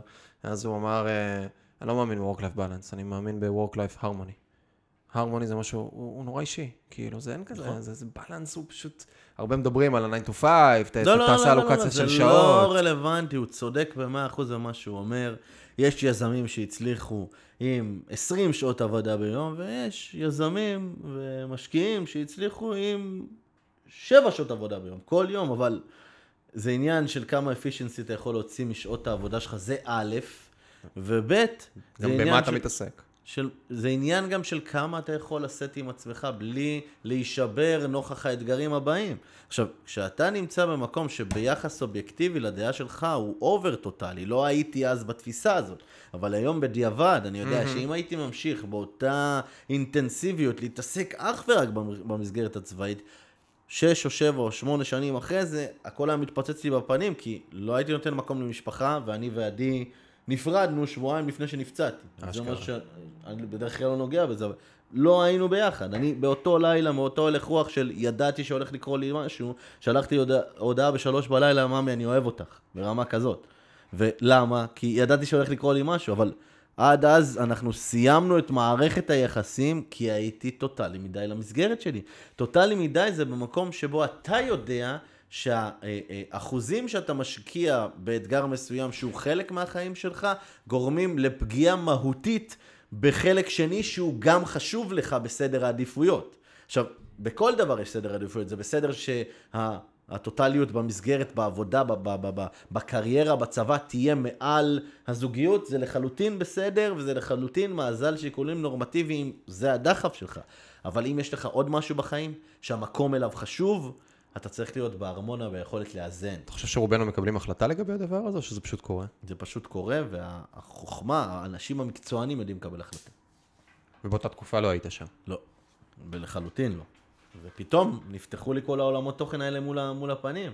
פתאום להתעסק עם אימא שלי שהיא נמצאת בשלבים מתקדמים של מחלה מאוד אגרסיבית, שלא התעסקתי עם זה. כאילו הייתי מתקשר כל יום לשאול מה קורה, אבל רגשית לא יכלתי להכיל את זה, אז אני באופי, שוב, האופי הגולמי שלי, מה שאני לא מצליח להכיל, אני דוחק הצידה. ומתעסק בו רק בשיחת טלפון של הרבע שעה הזאת, עושה שלוש פעמים אוף וממשיך כי יש לי פעילות להוציא. אז, אז לא התעסקתי עם זה, ופתאום הייתי צריך להתעסק עם זה, ופתאום הייתי צריך להתעסק עם זיו כזיו, ומה זה זיו עכשיו עם כל הפציעה הזאת מסביב. להתעסק עם אופי שלי, מי אני בתוך כל האירוע הפרסונלי הזה, כי עד עכשיו לא ניזונתי בכלל מאירועים פרסונליים. כל ההצלחות שלי נעו מכך שאני תמיד מקצועיות. הייתי ניזון מקצועית ומאנשים אחרים. חייתי בשביל הלוחמים שלי, חייתי בשביל המסגרת שאני מפקד עליה. זה מימוש עצמי אדיר. כן, זה פרדוקס ה- האנוכיות, זה- האגואיזם, זה- פרדוקס זה לגמרי האגואיזם, ככה, כן. זה לגמרי שם, בפר- בפרדוקס הזה, וזה לגמרי בראש פירמידת הצרכים של מאסלו, הנושא הזה של מימוש, מימוש עצמי, אבל עצמי. מימשתי את עצמי דרך אנשים אחרים, מי אני. כזיו, די אה, שם אה, אה, משהו ש- ש- שנסוג לאחור, ופתאום אני צריך להתעסק עם זה. שזה, שזה בדיוק העניין גם, כאילו, וזה אני חוזר למה שגם אמרתי מקודם. הזהות שלך היא כנראה עוד לא מספיק התגבשה לאסנס פנימי, להוויה פנימית של יש את זיו, ולא רק יש את זיו המפקד, ופתאום אין את זיו המפקד. כאילו, עדיין יש כמובן, אבל כאילו פתאום, Fuck. נכון? מרק צוקרברג הוא היום פייסבוק. הוא לא שום דבר אחר חוץ מפייסבוק. כמה שהמסגרת שלך מצליחה והופכת להיות בחלקת האלוקים שלך יותר מפותחת ויותר משמעותית ויותר טובה, אתה הופך להיות אישות אחת יחד עם המסגרת שלך. אגב, דוגמה מעניינת היא אדם נוימן עכשיו, עם- עם לחלוטין. WeWork. זה בדיוק הייתה הדוגמה הבאה שלי. מה אדם נוימן היום? נכון? זאת שאלה. אגב, אדם נוימן היום, יבואו- מיליארדר, מיליארדר, עם הון... זה, עוד לא בטוח, אני מקווה שכן. למה, מה? הוא קיבל אה, עסקת אה, פיצוי? לא, אבל בלי שום קשר, גם שאתה הולך... כן. הבן אדם עשיר מאוד. יש? לו כסף, עשיר מאוד, הרבה נכסים, עשה הרבה אחרי דברים. שנה וחצי, כולל למכור את הסמל המסחרי של שבחמישה ווי. מיליון דולר, כן, שזה משעשע, שזה קצת... אה. אפשר להעביר ביקורת על הדבר כן, הזה. אבל הבן אדם זה בדיוק המקום הזה של איך מסתכלים עליו עכשיו. מי הוא? בדיוק, מי הוא? מי הוא אדם נוי? אגב, חצי יבואו- נוכל, חצי אדם, חצי איש עסקים כושל שזה משעשע, הבן אדם עשה מיליארדים. אבל יבואו, זו התפיסה אגב שהמון השרישו לנו מסביב לגבי אדם. כי uh, יש נטייה, אגב, שונה ממדינות אחרות בעולם, כאן בארץ, לרקוד על דם הנרצח בצורה הרבה יותר uh, משמעותית. אני מצטער שאני מעביר את הביקורת הזאת, אבל זה משהו שחייב להיאמר. הצורך כאן לבוא ולהאדיר כישלון של מישהו, משהו שקיים. ואני חושב שהתקשורת מסביב לקחה את אדם שבסך הכל היה לו רעיון מהפכני בהיבט הזה, עזוב חברת סטארט-אפ, עזוב אה, ספק נדל"ן, ספק לא, היה לו רעיון ששינה משהו בתפיסה של איך מת- מתעסקים בנדל"ן משרדי סלש מגורים בעולם. הוא עשה את קפיצת המדרגה הראשונה בשיני, ב- בשינוי התפיסתי, נרצה או לא נרצה, הוא היה שם. עכשיו, האם אדם נוימן יכל לקפוץ ברמת היכולות שלו, הידע שלו, ממדיום סייז קמפני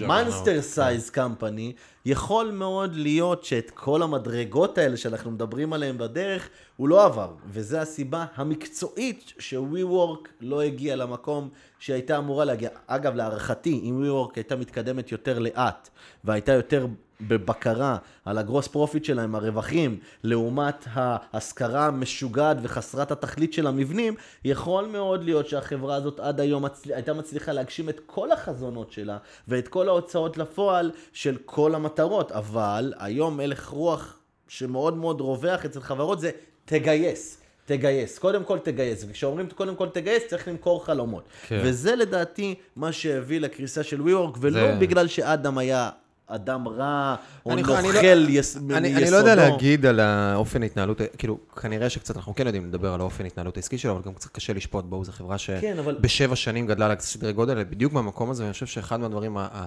הלא טובים שקרו, שזה בדיוק מה שאתה אומר, שהקונטקסט של החברה היה חברת סטארט-אפ במקום חברת נדל"ן, ו... כי הוא הצליח גם לייצר אידיאה, ביג אידיאה, מכירה של רעיון שם, איזה קונספט, איזה כאילו גישה ותפיסה, והוא שם את זה כאילו טכנולוגי, ואז הגיוסים שהגיעו מסופטבנק וכל החברות האחרות, כאילו, סכומים מאוד מאוד גדולים, שגורמים לך הרבה פעמים להתנהל לא בדיוק, כן, ולא בלהוכיח את המודל הוא העסקי. הוא הגדיר את הוואליואציה של החברה. הוא יחד עם הבורד שלו. אגב, המגמה כנראה הייתה לגייס כסף בשביל להגשים את כל החלומות בסך כל הכסף שיש לנו בחברה, ושלא נצטרך לרדוף, או שהחברה לא תיחנק, גם אם יש לך חלומות מאוד מאוד גדולים. עכשיו, כשאתה רואה שאתה צומח בקצב מאוד מאוד מהיר, ויש לך מול העיניים פתאום גוגל, פתאום אמזון, פתאום אני יושב ביחד עם החבר'ה האלה, אני צריך... הם רצו לצאת ל-IPO במספרים של אובר, כאילו, זה לא נתפס. אז בגלל זה המגלומניה הופכת להיות ערך בסיסי ויסודי בתוך החברה. עכשיו, אני אומר דבר כזה. קשה גם לשפוט אותו, תשמע, אתה, אי אפשר לשפוט אותו. זה בדיוק הנקודה. זה בן אדם שבשבע שנים... למה אני אומר לרקוד על אדם? רגע, אני אעצור אותך שנייה. אני, למה אני אומר לרקוד על אדם? כי מה הראו בדה מרקר ובגלובס באופן מאוד רציף ועקבי? רק את המריחואנה ואת המטוסים הפרטיים, ואתה יודע, רקדו על הנקודות הכי כואבות. חושב שזה ישראלי? חד משמעית, כן. כן? חד משמעית כן, אני אומר לך שזה נורמה שהיא קיימת בכל העולם, אבל בישראל כאילו, אתה יודע, עשו מזה משהו שאתה יודע, כבר בסוף היה, חבר'ה, די, בא לנו להקיא.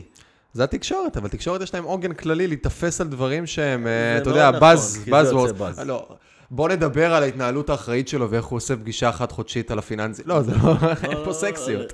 צריך את כל ההצעות. לחלוטין, אבל דווקא בגלל זה התחלתי את הנקודה הזאת, מהעובדה כן. שמה שתואר שם זה הרבה מאוד, אולי כל, אולי רק ההתנהלות השלילית. כן. ההתנהלות החיובית לא הוזכרה, ומן הסתם, בשביל, אני יודע מה זה להיות יזם, אני יודע מה זה להיות בכובע של משקיע, אני יודע מה זה להרים מיזם מאפס למקום שבו הוא מתחיל לראות את האור. רק בשביל מקום שבו אתה מתחיל לראות את האור, אתה צריך להיות עם אופי mm-hmm. מאוד מאוד חזק ועם יכולות מאוד לגמרי. מאוד עוצמתיות, גם של שכנוע וגם של אופרציה, ובשביל להביא את הדבר הזה לגדר פועל יוצא, ופה אני מאוד מאוד מעריך את פועלו, למרות שבסוף זה יצא משהו לא טוב, לצערנו, כן?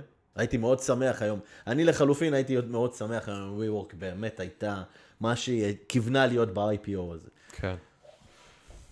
היה רגע שהבנת שהכל משתנה, או שזה היה ברור לך מלכתחילה? אה, כמו שאתה עולה מדרגות, זה גם לרדת מדרגות. אני, אתה יודע... אתה אומר, זה לא היה נפילה חופשית. ממש לא. זה, אתה יודע, כשאתה מתחיל את הדרך הזאת בפציעה, אתה אומר לעצמך, טוב, איפשהו זה עובר בראש, טוב, עכשיו אני בנקודה הכי קשה שיכולה להיות, ומעכשיו פשוט להתחיל לטפס, אין עוד תחתית, כאילו, אין, אין מתחת לאיפה שאני נמצא בו. ואז ככל שהחודשים עוברים ואתה מבין יותר לעומק מה זה אומר לחיות במצב הזה, אז אתה פתאום מבין שיש כאן וואחד basement. וואחד basement שאתה יורד אליו, ול basement הזה יש כנראה גם עוד underground אטומי. ועם כל תחושה כזאת של היעדר או, או, או חוסר פרטיות, או יכולת להתנהל ברמה פרטית, ועוד איזה משהו שקשור לסביבה הקרובה שלך, איזו שיחה לא טובה עם בת הזוג, בת זוג שהולכת ולא מצליחה להבין איך בכלל לחזור, התמודדות פסיכולוגית של בת הזוג, אימא שנמצאת במחלה ובהתמודדות תוך כדי, ופתאום אתה רואה את זה כל היום מול העיניים, כי היא כל הזמן איתך, והיא גם צריכה להתעסק בכאב שלך. אז זה לא מתחיל משם, זה מתחיל מהתעסקות מאוד ממוקדת בפציעה, ואחרי שבועיים או שלושה אתה מתחיל לראות גם את המעגל השני של הפציעה הזאת, וכמה הפציעה הזאת משפיעה על המעגל השני, ושם אתה מתחיל לרדת למקומות של יותר מרתפיים, כי... שוב, אני מחבר את זה לאופי הגולמי שלי, mm-hmm. למי אני כזיו, אני בן אדם שניזון מאוד מאנשים, לטוב ולרע. Uh, הייתי כך בצבא, ולכן גם מאוד אהבתי מה שעשיתי, כי זה מאוד אינטנסיבי בלתת לאנשים את כל כולך, ואני ככה גם לכיוון השלילי. וכשאני הרגשתי שאני מעיב על האנשים שקרובים אליי, מה שקורה לי במהלך הפציעה, זה לקח את המקום הבסיסי של ההתמודדות ברמה הפרסונלית עם הפציעה, והוריד אותה כמה מדרגות למטה, כי פתאום אני גם צריך להתמודד עם אחרים, ועם העובדה שאני משפיע לרעה על אחרים. בדיוק. וזה ריסק לי את הצורה. ויש לי הרגשה גם. מאיך שאני חווה אותך, שלא היית בן אדם שאוהב לקבל עזרה. לא, אבל עזרה מתקשרת דווקא למקום הפרסונלי, שכאילו שוב, זו עזרה שאני מקבל. השאלה היא לא שם. הכאב העמוק שלי לא, לא חנה רק בעובדה שאני לא אוהב לקבל עזרה, כי זה התמודדות של זיו. הכאב העמוק שלי חרבה, אה, אה, אה, בא לידי ביטוי. בזה שאתה מבין מה הם עוברים, שאני כאילו. סובלת, שאימא שלי סובלת יותר, שאחים שלי לא יכולים לנהל שגרה תקינה וצריכים להיות מסביבי כל היום, והם רבים עם הבני זוג שלהם בגלל שהם צריכים להיות איתי בבית חולים, שאבא שלי נמצא במצב שהוא נשבר מנטלית, ש... הלוחמים שלי נשארים בלי מפקד, אתה יודע, והכל נופל עליך אחד אחרי השני. אז כאילו במהלך ההתמודדות שלך עם עצמך למול כל הסיטואציה הזאת, שבוא נגיד היא לא כזו פשוטה, אתה גם חווה את כל ה... בעצימות יתר את כל מה שהאנשים סביבך חווים. ופה נכנס העניין של לבחור את המלחמות שלך. אוקיי, מה זה אני בוחר אומר? את המלחמות שלי בלהתעסק בחרטה, וב...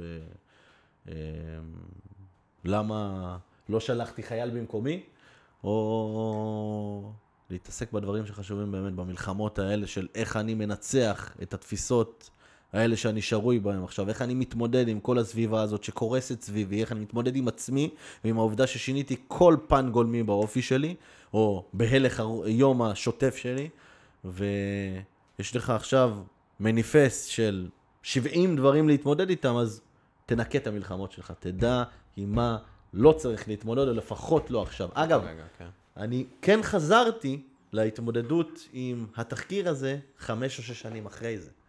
כי כשנכנסתי ל... אמ, לעולם תוכן הזה הייתי מספיק שלם עם עצמי להבין מה כתבו ומה לא כתבו. ואז גיליתי הרבה מאוד דברים ש... אה, זה היה כבר במקום של closure, זה לא היה ממקום של... זה היה אה, במקום שבו שמתי את המלחמה הזאת בצד, זה בדיוק האיזון בחיים בין מה חשוב ודחוף לבין מה חשוב ולא דחוף. זה באותו רגע היה חשוב ולא דחוף.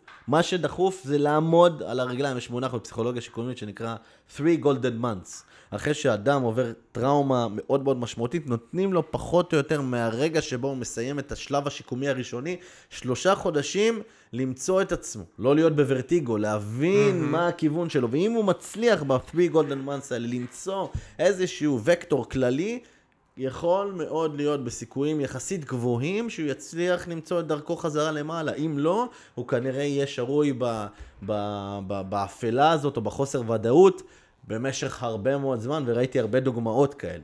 ובדחוף, אני הבנתי שמה שדחוף עכשיו זה להחזיר לזיו משהו מהאופי שלו. ליצוק לזיו אופי שנעלם, לייצר משהו חדש שדומה לקודם, כי מאוד אהבתי את הקודם, בזיו הנוכחי. הצלחת להבין את זה ממש כאילו ברמה הזאת? בדיעבד.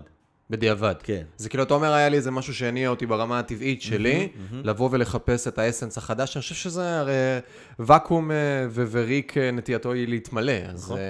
אז יש אנשים שממלאים את זה ב- ב- ב- ב- בוויד ובלעשן ובלאבד את עצמנו ובזה, ובלהתעסק בלמה לא. וחרטות ובכאלה. למה הלכתי לצבא? אגב, זו גם שאלה שיכולה להגיע, למה הלכתי לצבא? אם אני יודע שהפעילות עצמה כפעילות הייתה מושלמת ולא הייתה לנו יכולת, ואת זה אני יודע בוודאות, אה, למעשה, לנטרל את האיום הספציפי הזה שהיה, אז אתה הולך עוד יותר אחורה. למה יצאתי לקורס קצינים? למה יצאתי לקורס מ"כים? למה המשכתי בצבא? למה הגעתי לפלוגה. הזאת? אה? זה לרוב לא קבלת החלטות, זה לרוב אינרציה. לא, נכון, אני אומר, קבלת ההחלטות היא ב... האם להתעסק בזה, או האם לבחור את המלחמות האחרות שהן יותר חשובות ודחופות באותו רגע. קבלת ההחלטות, התכוונתי ל- לנושא כן, הזה, כן, כן. וזה משהו שהוא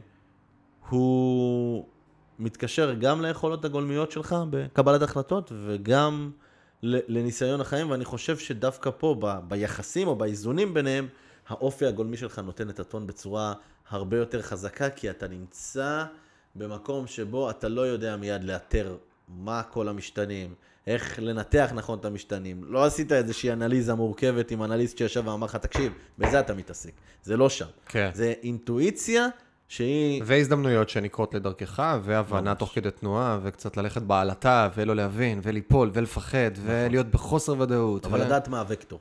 הווקטור. לדעת מה הוקטור. אוקיי, שזה והכל. מעניין. אני חושב אם אני רוצה להוריד את זה לרמה פרקטית של חס וחלילה מישהו נמצא בסיטואציה כזאת או אחרת. אם אני עכשיו נמצא במקום שקרקע נשמטה מתחת לרגליים, ואני לא יודע מה לעשות עם עצמי כרגע.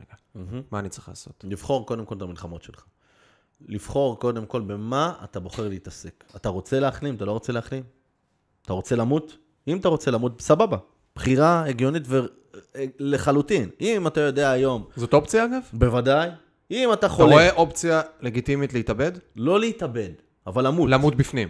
אם אתה יודע שאתה חולה בסרטן, יש לך, על פי הערכות, במידה ולא תעשה טיפולים, שנה וחצי לחיות. אתה אומר לעצמך, קיבלתי החלטה מודעת, לקרוא על השנה וחצי האלה את החיים, ללכת, ליהנות, לעשות זמן עם המשפחה שלי. List. את ה... בדיוק, להוציא את המקסימום, לחזור בתשובה, להתפלל, לחזור בשאלה, לגשת ולעשות לילות פרועים בלאס וגאס, מה שאתה בוחר, אבל אני את השנה וחצי הזאת מנצל בשביל לחיות.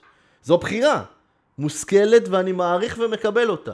ויש בחירה נוספת, לגשת ולעבור סדרת איסורים עם כימותרפיה וכאבים וטיפולים, אבל סדרת איסורים שבסופו של דבר יכול להיות שתחזיר לך או תאריך לך את החיים. עכשיו, שתי הבחירות האלה, שתי החלופות, שתי החלופות האלה עומדות מול העיניים. מה אתה בוחר? זה אתה. אתה חייב להיות מאוד לוגי כדי לבחור פה רציונלית. מה זה רציונלי פה? גם זה רציונלי וגם זה רציונלי. אני חושב שהרבה מאוד אנשים לא, לא מבינים באמת את העובדה שהם הולכים למות. אה, דיברנו מקודם בקצרה על אילן נייטנר, שהוא חבר ואיש יקר, ושזה, אז היה לו, אה, אחד מהטקסטים שהוא כתב, הוא כתב, אה, נידון למוות יקר. בפנייה לכולם. כי כולנו נידונים למוות. נכון. כולנו נידונים למוות. מעטים מאיתנו מבינים שאנחנו נידונים למוות. נכון. ובדיוק המקום הזה לדעתי, שאנשים מגיעים, גם כשהם מגיעים לסיטואציה, וזה בדיוק השלבים של הגריף, כאילו, של האובדן, של הכחשה ו- ומלחמה וכל הדברים. מעטים מבינים בכלל שהם הולכים למות. עוד פעם, אבל שוב, זה, זה, אני קודם כל מסכים בענק. זה, זה משהו שקשה להפנים. אתה מה- מבין היום, אגב? אתה מפנים את זה? אני חושב על זה כל הזמן. אני מתעסק במוות היום. המון. מה זה אומר? זה אומר שזה יושב מול עיניי כל הזמן, שזמני קצוב ומוגבל. ומה זה גורם לך?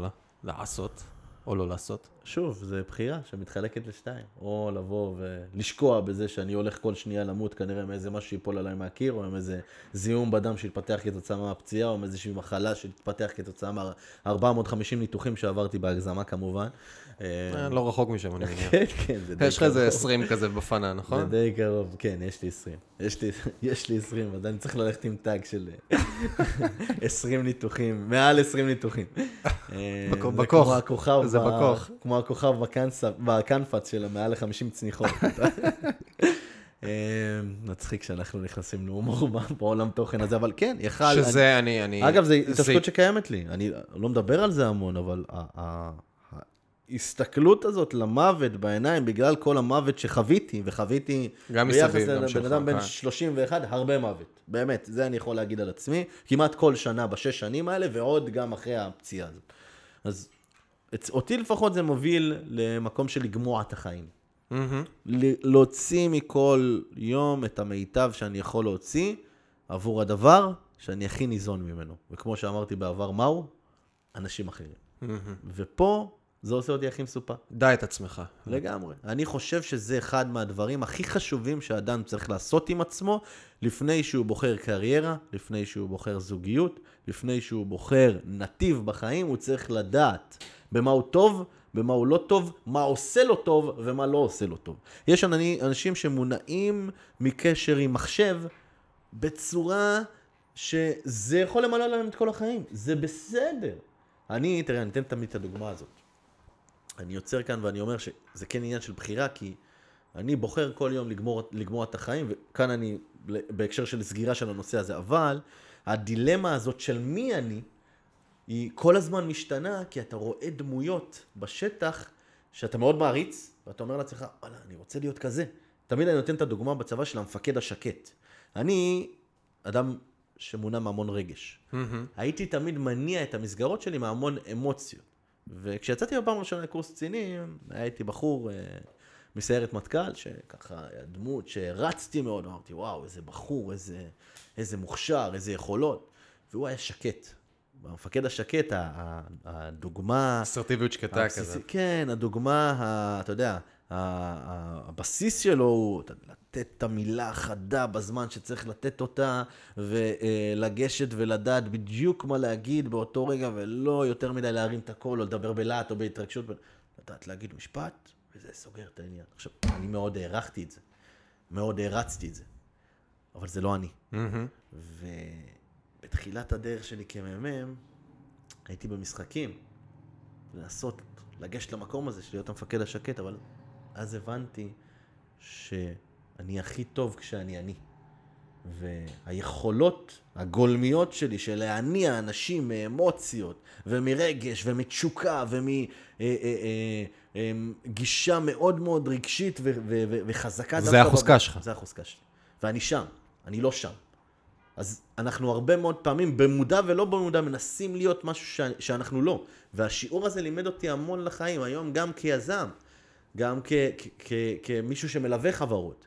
אני אומר למנכ"ל, קודם כל תהיה עצמך, אתה המנכ"ל השקט, שיודע לתת את המילה הזאת ולהיות אה, אה, אה, זה שיודע בדיוק לפגוע בכל אחד ואחת מהמשימות ולשלוט בהכל ביד רמה, תהיה זה.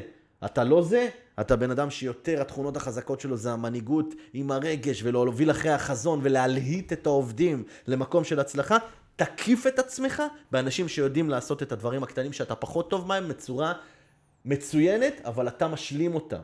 אנשים חזקים לא מפחדים להקיף את עצמם באנשים חזקים אחרים בדברים אחרים. כן, זה בדיוק כל השיח של ה-A players אל מול אה, B players, לחלוטין. ש-B players, ש-A players מביאים על ידם A players חייב. טובים, ו-B players מביאים על ידם C players. ל- ל- וואו, זה הכי נכון שיש, וזה מתחבר לתדע מי אתה ובמה אתה טוב, וכשאתה יודע במה אתה טוב, ואתה יודע שאתה עושה הכל בשביל לחדד את הכי טוב הזה שלך, וששם אתה באמת תהיה הכי מקצוען שיש, אתה יכול להקיף את עצמך באנשים שטובים בדברים האחרים, אבל אתה לא מגיע איתם ליחסי אה, איך יראה אני לומד? ופחד. איך אני לומד במה אני טוב? אמ, קודם כל שואל את עצמך שאלות מאוד מאוד עמוקות. אה, איך יצרתי חברויות וקשרים בחיים שלי כילד וכנער? מה הוביל אותי? העובדה שאני אה, שקט ומופנם? העובדה שאני מתעסק בעולם תוכן מאוד מאוד ספציפי שהוא התשוקה הכי גדולה שלי, העובדה שאני חברמן ומקיף את עצמי כל הזמן בחברים. פה כל אחת מהאופציות האלה יכולה להוביל אותך לכיוון אחד של איזה מין בן אדם אני ובמה אני טוב. עכשיו, במה אני טוב מתחלק לכמה, לכמה ורטיקלים. איך אני טוב עם אנשים, במה אני טוב בלהניע אנשים, איך אני טוב מול ניהול, במה אני טוב באלמנטים הניהולים, האם, האם אני בן אדם של אותיות קטנות, או האם אני בן אדם של אה, אה, אה, יזמות רעיונית, או חזון יותר גדול, האם אני פה, האם אני פה, אם אני פה, אני צריך להשלים את עצמי פה, אם אני פה, אני צריך להשלים את עצמי ברמה היצירתית, מה אני יותר, יצירתי או יורד לדקויות. אגב, זה ב-90% מהפעמים כותבי. כן, לחלוטין. עכשיו מכאן אתה עובר לעוד ורטיקל, אם דיברנו על אנשים, דיברנו על ניהול, אנחנו צריכים לדבר גם על האלמנט של האופרציה. מה אני טוב כאן? האם אני צריך להקיף את עצמי בסופליי צ'יין של הרבה מאוד מנגנונים שיודעים לווסת ולשלח את המוצר שלי בסוף ללקוח, או האם אני בן אדם שיודע לשלוט באופרציה ביד רמה ויודע להפעיל אותה ברמה שגם לי תהיה כאן. עכשיו, מעבר לכל אלה אני צריך להבין, האם אני בן אדם שיודע ב multitasking לעסוק בהרבה דברים במקביל ולהיות כזה ש... כל מה שאתה אומר כרגע, אני צריך הרבה ניסיון בחיים כדי לדעת להבין את זה. אבל אין לי הרבה ניסיון בחיים. אם אני בן 22 ואין לי מושג איך... אני אפילו לא יודע, כי לא עשיתי את תקרא זה מספיק. ותלמד. מה אני צריך לעשות? תקרא ותלמד. דברים כמו שאנחנו עושים פה היום. ש...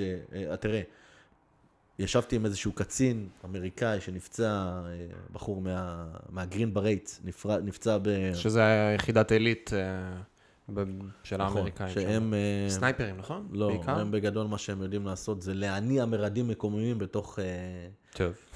חלק מהתפקיד שלהם, כן. זה להיטמע בתוך אוכלוסייה. אזרחית ולמעשה לקומם את האוכלוסייה האזרחית נגד ה... לא משנה, כן.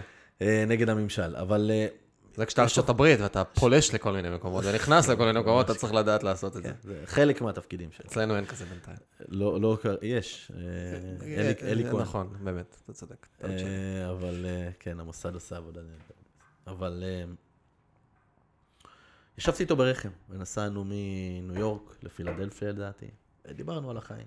אז הוא אמר לי משהו נכון, הוא אמר לי, זיו, תשמע, אם תיקח את האדם הכי חכם בעולם, תשים אותו כל חייו בתוך מקום אחד במנהטן, עזוב במנהטן, בואו ניקח אותו ל... ל... לקנטקי. שים אותו בקנטקי, בתוך איזושהי חווה. הוא הבן אדם הכי אינטלקטואל בי פאר בעולם, תשאיר אותו שם, תגיד לו, תחקור, ת, ת, ת, תבחן נושאים, ת, ת, תבדוק מה שמעניין אותך, תגיע לתוצאות. ותיקח עוד בן אדם אחד שהוא משמעותית פחות חכם ממנו, אבל תיתן לו את כל הסביבה, הכלים, בדיוק. בדיוק, להסתובב בכל מדינה בעולם, לספוג כל תרבות בעולם, ותכריח אותו לקרוא ידע של אנשים אחרים כל הזמן, ככל הנראה, הבחור הפחות חכם בהרבה יגיע להישגים או לרמת בקיאות בהלך הרוח העולמי הרבה יותר טוב מזה, כי אתה מתעסק כאן בשנים של אנשים חכמים ובאוסף אינטליגנציות כן. שאי אפשר לבטל. אם אתה מכניס הטיפ- לתוך העקומה הזאת, לתוך המחקר הזה אין סוף זמן, אז כנראה שבסוף הכישורים ינצחו, אבל ברגע שאתה מכניס את זה למסגרת לטיים פריים מסוים, אז הקטליזציה של הסביבה היא, היא סופר רלוונטית, ויש משפט שכאילו, מין ציטוט כזה שאומרים שהוא של איינשטיין, אבל אה, אני בספק על הדבר הזה, שאם אתה תיתן, אה, אם אתה תמדוד דג על פי היכולת שלו לטפס על עץ, כנראה הוא ייכשל. וזה באיזושהי ביקורת מסוימת גם על המסגרות הלימודיות שאנחנו גדלים בתוכן, ש... נורא נורא נורא חד-חד ערכיות, אנחנו באים, לומדים אותו דבר כולם, ולא מחפשים את האזור הזה של חוזקות. אה, ומכאן ש- אני חוזר לנקודה של תבחר את המלחמות שלך. תבחר את המלחמות, תבין את עצמך, תדע מה תבדוק לקרוא, את החוזקות, תדע מה לבדוק. אני, אני איתך לגמרי, וכשאני כשאני רגע מסתכל על ה... על ה... ואם אתה לא יודע מה לקרוא, תשאל. בדיוק. שזה, יש את המודל הקלאסי של איידיגר, אה, A, B ו-C, מעגל הידיעה, שמדבר על מה שאתה יודע שאתה יודע, מה שאתה יודע שאתה לא יודע, ומה שאתה לא יודע שאתה לא יודע. כן. אז אה, כדי לגדול ולצמוח, אנחנו צריכים להיות כמה שיותר ב-B וב-C, מה שאני יודע שאני לא יודע, ולא יודע שאני לא יודע, ואיך מגיעים לשם. נכון. אנשים, ספרים, אה, לגעת בדברים. ופה אני, אני בגישה שלי תמיד, הרבה פעמים, אני קודם כל קריאה ולמידה ורעיונות ופודקאסטים וזה, אני חושב שאני בממוצע ביום, בנסיעות, בפה, בשם, בין שעה לשעה וחצי שומע תוכן. אני חושב שזה נתן לי קרקע מדהימה לעשות דברים. ואני אומר, אבל במקביל ללמידה, יש משהו מאוד מאוד מאוד חזק ב- בלא לשבת רגע עם עצמך בבית ו- ולא להיחשף לדברים האלה, אלא לצאת החוצה ולהתחיל לעשות. כי תוך כדי עשייה, אתה יודע, יש לדבר על קושי ויש לחוות קושי. נכון. יש אה, להבין שאולי אני הולך להיפצע ו- ואשכרה להיפצע. נכון. וזה שני דברים אחרים לגמרי, והמקום הזה של לצאת ולהתחיל להבין את עצמי מבחוץ ו- ולחוות את זה, אני חושב שיש לזה גם משקל מאוד מאוד אדיר, ופה אני אומר, נגיד, הרבה פעמים זה משהו שיוצא לחזור עליו הרבה, אם אני עכשיו בחור צעיר שלא יודע באמת מה החוזקות שלי ומה אני רוצה לעשות, צא תעשה. צא תעשה, אבל תלך למקום שבו ה... ההסתכלות שלך היא לא על כמה אני מרוויח עכשיו, אתה לא מסתכל על התשואה כרגע, אתה מסתכל על התשואה לאורך זמן, ותמצא איזשהו מקום שיש בו אנשים שעושים דברים שמעניינים אותך. נכון. והאידיאל או ה sweet point, איך שאני תופס את זה פה הרבה פעמים, זה ללכת לאיזושהי חברה שהיא בסדר גודל קטן בינוני, שיש בה אולי כמה עשרות בודדות של עובדים, יש בה הרבה לחץ. יש בה הרבה לחץ, יש בה הרבה ואין בה אבטלה דינמיות, סמויה. אין אבטלה סמויה, בדיוק, ויצא לי מלא להגיד את זה, אבל אני, אני פשוט כל פעם, יש איזה סטנדאפ של אדיר מילר, שהוא שואל איזה מישהו בקהל, מה אתה עושה? הוא אומר לו, חייל, מה אתה עושה בחייל? הוא אומר לו, מכין שוקו. הוא אומר, אה, קפה לא, רק שוקו. אז בארגונים גדולים כל אחד מכין רק שוקו. נכון. אז פה פתאום יש רגע, כשאתה בא לארגון קטן, אז יש לך יכולת להסתכל, בטח אם עולם העסקים מעניין אותך, על כל המערכת, על המכירות, על השיווק, על התפעול, על הייצור, על הבקרה, על הניהול, על הגבייה, על הכספים. אתה יודע להסתכל על הכל וללמוד מזה, וגם, כשאתה מסתכל על מנכ"ל בעלים של חברה שהיא קטנה בינונית, אז לרוב, בהינתן והחברה היא באמת חברה רווחית וטובה, הוא כנראה עושה כסף כמו שעושה מנכ"ל של אה, מגדל או הראל או איזשהו בנק מסוים, כי הוא מנכ"ל בעלים. ואם אתה עכשיו נכנס לעבוד במגדל, הראל או בנק או לא משנה מה, הקרבה שלך נכון. למנכ"לים או לאנשים שמובילים את התהליכים ואת הפעילויות היא נורא נורא רחוקה. אתה לא מגיע אליהם, אתה לא מדבר איתם, אתה לא נמצא בתקשורת, אתה נמצא במין סיר סרטנים של אנשים שנמצאים בסיטואציות דומות לך, שהם קוד מוקד או משהו כזה. נכון. לעומת זאת, בחברה קטנה ובינונית, יש לך את ההזדמנות להיות מאוד מאוד קרוב להרבה אנשים מאוד מאוד מעניינים וללמוד מהם, ולהתחיל לחוות את המקום הזה, מקום גם של עשייה. נכון. אני חושב שבכלל, א', ב', ב- בעולם היזמות הוא קודם כל להוציא לפועל. כל התוכניות שלי שהכי הצליחו, קודם כל, התחלתי, ואז כתבתי להם פורטפוליו ותוכנית עסקית. באמת. ותוכנית היום שמונות, תוכניות שמונות 200-300 בוגרים בארץ, בארצות הברית, חברות שהיום התפתחו לכדי אה, הצלחה מאוד טובה, גם עם לקוחות בארץ וגם עם מכירה בסופו של דבר של אחת מהחברות לחברה נוספת. כל הדברים האלה, התחלתי ממקום שקודם כל אמרתי, וואלה, כי יש לי רעיון, אני רוצה להתחיל, הבאתי X, Y, Z, את המינימום משתנים שהייתי צריך, אחרי זה בניתי שותפים, אחרי זה בניתי עוד ליינר של, של תוכנית עסקית, בדיוק. אחרי זה עוד אסטרטגיה, אחרי זה חזון, אבל זה קודם כל התחיל. חברות שמתחילות ממקום שהן מתכננות המון המון המון המון המון, אבל לא מוציאות לפועל. כן. אפילו לא זץ, זה בדרך כלל חברות שנחנקות מהר מאוד, גם מזה שאין כסף, וגם מזה ש... החזון משתנה כל כך הרבה פעמים. בדיוק, אתה לא באמת יודע כשאתה יוצא לדרך מה אתה רוצה, אתה צריך תוכנית ראשי פרקים, נכון. מקרו, מסגרת לרוץ, וזה כל הגישה, יש פה את הספר אגב, פה מצד שמאל, The Lean Startup, רווחת היום בעולמות ההייטק. אם בעבר, אפילו ניקח חברות גדולות, נגיד Windows, מייקרוסופט שהיו מוציאות Windows, זה היה Windows 7, XP, 2000, כל שלוש שנים היו מוציאות גרסה. היום עולם הסטארט-אפ השתנה, הוא רץ במה שנקרא MVP. אני כל שבועיים מוציא גרסה קטנה, מקבל פידבקים, נכון. רץ הרבה הרבה הרבה יותר הרבה מהר. מאוד פעמים אתה משנה את הייעוד כולו של החברה. בדיוק, כי החברה גם סופר, היום אין, תוכניות חומש זה כבר משהו שהוא כמעט ולא רלוונטי. כן, צריך חזון מקרו, בסטארט-אפים. אבל חייב את הדינמיות ואת הריצה, ואגב, אני חושב שככה צריך להתייחס לחיים שלנו, גם בטח בתחילת הדרך. מאוד, זה אין כל הזמן- תוכניות יש חומש. יש ספר מאוד מעניין של פרופסור קלייטון קריסטיאנסטון מאוניברסיטת הרווארד, שנקרא The Innovative Dilemma. הוא מדבר על האיזון של, של חברות גדולות, של large firms, בהיבט של כמה לדבוק ב-sustaining innovation, לכמה להתעסק ב-disruptive innovation. וזה כל הזמן קו שקיים גם בחיים שלנו כאינדיבידואלים, כמה אנחנו מנסים, מנסים לצאת מאזור הנוחות שלנו, שיכול להיות להיות שהוא מאוד מצליח, וכל הזמן למצוא נקודות ו- וקשרים חדשים שיעזרו לנו לפתח את עצמנו. אה, כי sustaining innovation זה לצורך העניין לקחת את מה שעושה היום כן, קודק, ולהמשיך עם עולם הצילום. בתוך 400 התחום, כן, ל- לקדם את מה שאתה טוב בו בצורה הכי אידיאלית שאתה יכול, עם מקסום של הטכנולוגיה, אבל באותו תחום ספציפי בדיוק. מה שנקרא פוקוס. לח, לחלוטין. Disruptive innovation זה לחשוב איך אתה לוקח משהו שהיום נראה מאוד יקר, מאוד לא רווחי, מאוד לא הגיוני, מאוד לא בר פוטנציאל, ולהפוך אותו למשהו שישתלט ככל הנראה על העתיד בעוד עשר שנים בצורה טוטאלית, וזה מה שעשו... גוגל קצת משחקים עם זה. אתה מכיר את הפדקס טיים שלהם? הכי הרבה אפל משחקים עם זה, ואני יכול להגיד לך שאולי דוגמה הכי מופתית לזה זה Airbnb. בסדר ש-Airbnb זה חברת הנדל"ן אולי אחת הגדולות היום בעולם, אבל לא מחזיקים נכס אחד. כן, זה כל המרקט פלייסים של מי חברת התחבורה הגדולה בעולם? אובר, כמה רכבים יש לה אפס? מי חברת הנדל"ן הגדולה ביותר בעולם? Airbnb, כמה נכסים ככה. יש לה? אפס, כן, לגמרי. וזה ממש משהו ש- ששינה לחלוטין את שוק המלונאות והנופש, ושינה לחלוטין את שוק הנדל"ן במקומות מסוימים. לגמרי. אמ, וזה בדיוק התפיסה של disruptive innovation חייב להיות קיים בכל אחד מאיתנו, בין אם מדובר בעסקים שלנו, או בין אם מדובר באופי הגולמי שלנו, אנחנו כל הזמן צריכים לאתגר את עצמנו במה לגמרי. יהיה עכשיו, ומה יהיה עוד מעט, וכמה אני משקיע בעכשיו וכמה אני משקיע בעוד אז, מעט. אז אני מאוד מאוד מתחבר לזה, ואני גם חושב שאני... אני- אמרת גוגל בגלל ה quantum computing שהתפרסם לא מזמן. האמת שלא, דיברתי על גוגל, יש להם משהו שנקרא FedEx Time, ש-20% מהזמן של המהנדסים שלהם, הם נותנים להם לעבודה חופשית, לעשות מה שהם רוצים. וככה Google Maps נוצר, ככה ג'ימל נוצר, בסדר? נוצר באמצעות, אז 20% זמן החופשי של אותם מהנדסים, שהלכו על פרויקטים אישיים. אה, והטמעתי את זה אצלי קצת בפעילות בחברה, כשהיינו עושים איזה 4 שעות בשבוע של קצת זה. אגב, אם אני אהיה כן ואמיתי, אז גם קצת זה ירד פתאום כשנכנסו לחץ ודברים ודברים דינמיים. יש, יש שלבים. יש שלבים בחיים של חברה, כן. אבל כגישה זה בדיוק המקום הזה של... ואם אני מסתכל רגע, אגב, גם הפודקאסט הזה, כאילו, הגישה שלי היא מאוד כזו, של תן את ה-80% פוקוס, תהיה מפוקס על משהו, תבין מה אתה עושה, תן את כל כולך בזה, וב-20% לך תשחק. נכון? לך תפגוש אנשים, לך תעשה דברים, לך תביא כל מיני אה, אה, כיוונים חדשים, תיפגש עם אנשים. יש בזה משהו, כי הנה נפגשנו עכשיו, אנחנו מדברים, יצא, אין לי מושג מה יצא מזה. יכול להיות שזו פעם ראשונה ואחרונה שאנחנו יכולים להיפגש, ויכול להיות שאולי לא, אולי יצא מזה איזשהו קשר עסקי כזה או אחר, אולי יצא מזה קשר חברי כזה או אחר. זה בדיוק המקומות של להתחיל לשחק עם זה ו- ו- ולפתוח כל הזמן את הגזרות. ואני לא יודע אם הפרטו הזה, ה-20-80 הזה, הוא משהו ש- שירוץ לכולם, אבל חד משמעית, 10% מהזמן לעשות דברים סתם. כן. לעשות סתם גישות. שה-ROI עליהם המיידי הוא לא ברור. נכון.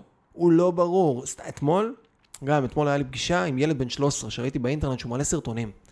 אמרתי לו, באנגלית ו- וללמד, שלחתי לו הודעה, אמרתי לו, בוא לפגישה, אני אכווין אותך קצת. אין לי מושג, סתם. וזה בדיוק העשרה אחוז האלה של, ה- של הלטייל קצת, לצאת אתה משקיע לטיול. בהם מוקדם. כן, אני- יובל אה, זה בדיוק אתמול החבר'ה פה ראו אותו נכנס, אמרו, מה קורה איתך, לא, הכל טוב? כאילו, אז אני, משקיע לא- seed, אני seed investor. לגמרי. אבל pre-seed, אני pre-seed investor. ממש early stage ברמה הכי גולמית שלו. אבל אה, שוב, אני מאוד מאוד מתחבר למה שאתה אומר. אני חושב שזה באמת באמת נכון כל הזמן.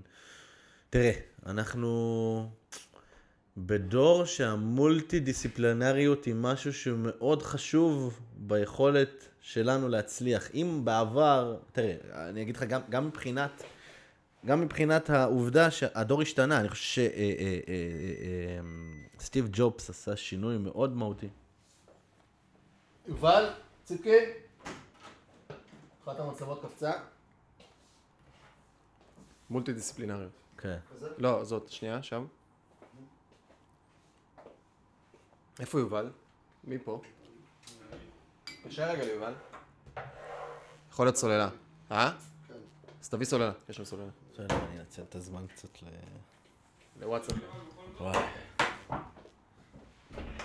ואני אנצל את הזמן להדליק מזגן. וואי, חם, רציתי להגיד לך. כן, השמש יצא.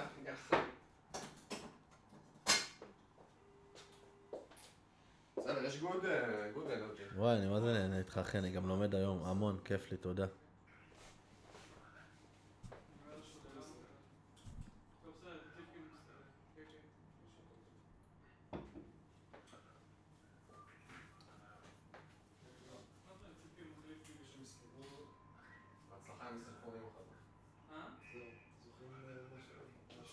מה עצרנו? אנחנו נסתדר.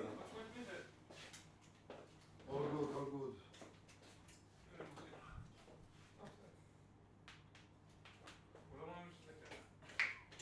הגענו לגמרי. אחי, נשמע לך. מה אתה? הוא משעמם. כנראה יש סוללה שהיא חלשה פשוט. עשיתי ממני גם. להפוך את הזה? לא יודע. לא יודע, כנראה אתה. מה שלומך פה? או שאתה רוצה לעשות. טוב. אה, לא,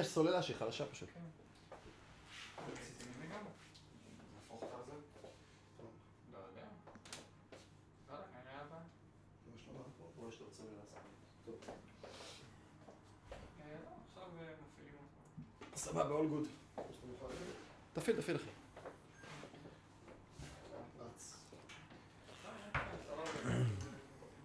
ואפילו מזגן יש עכשיו.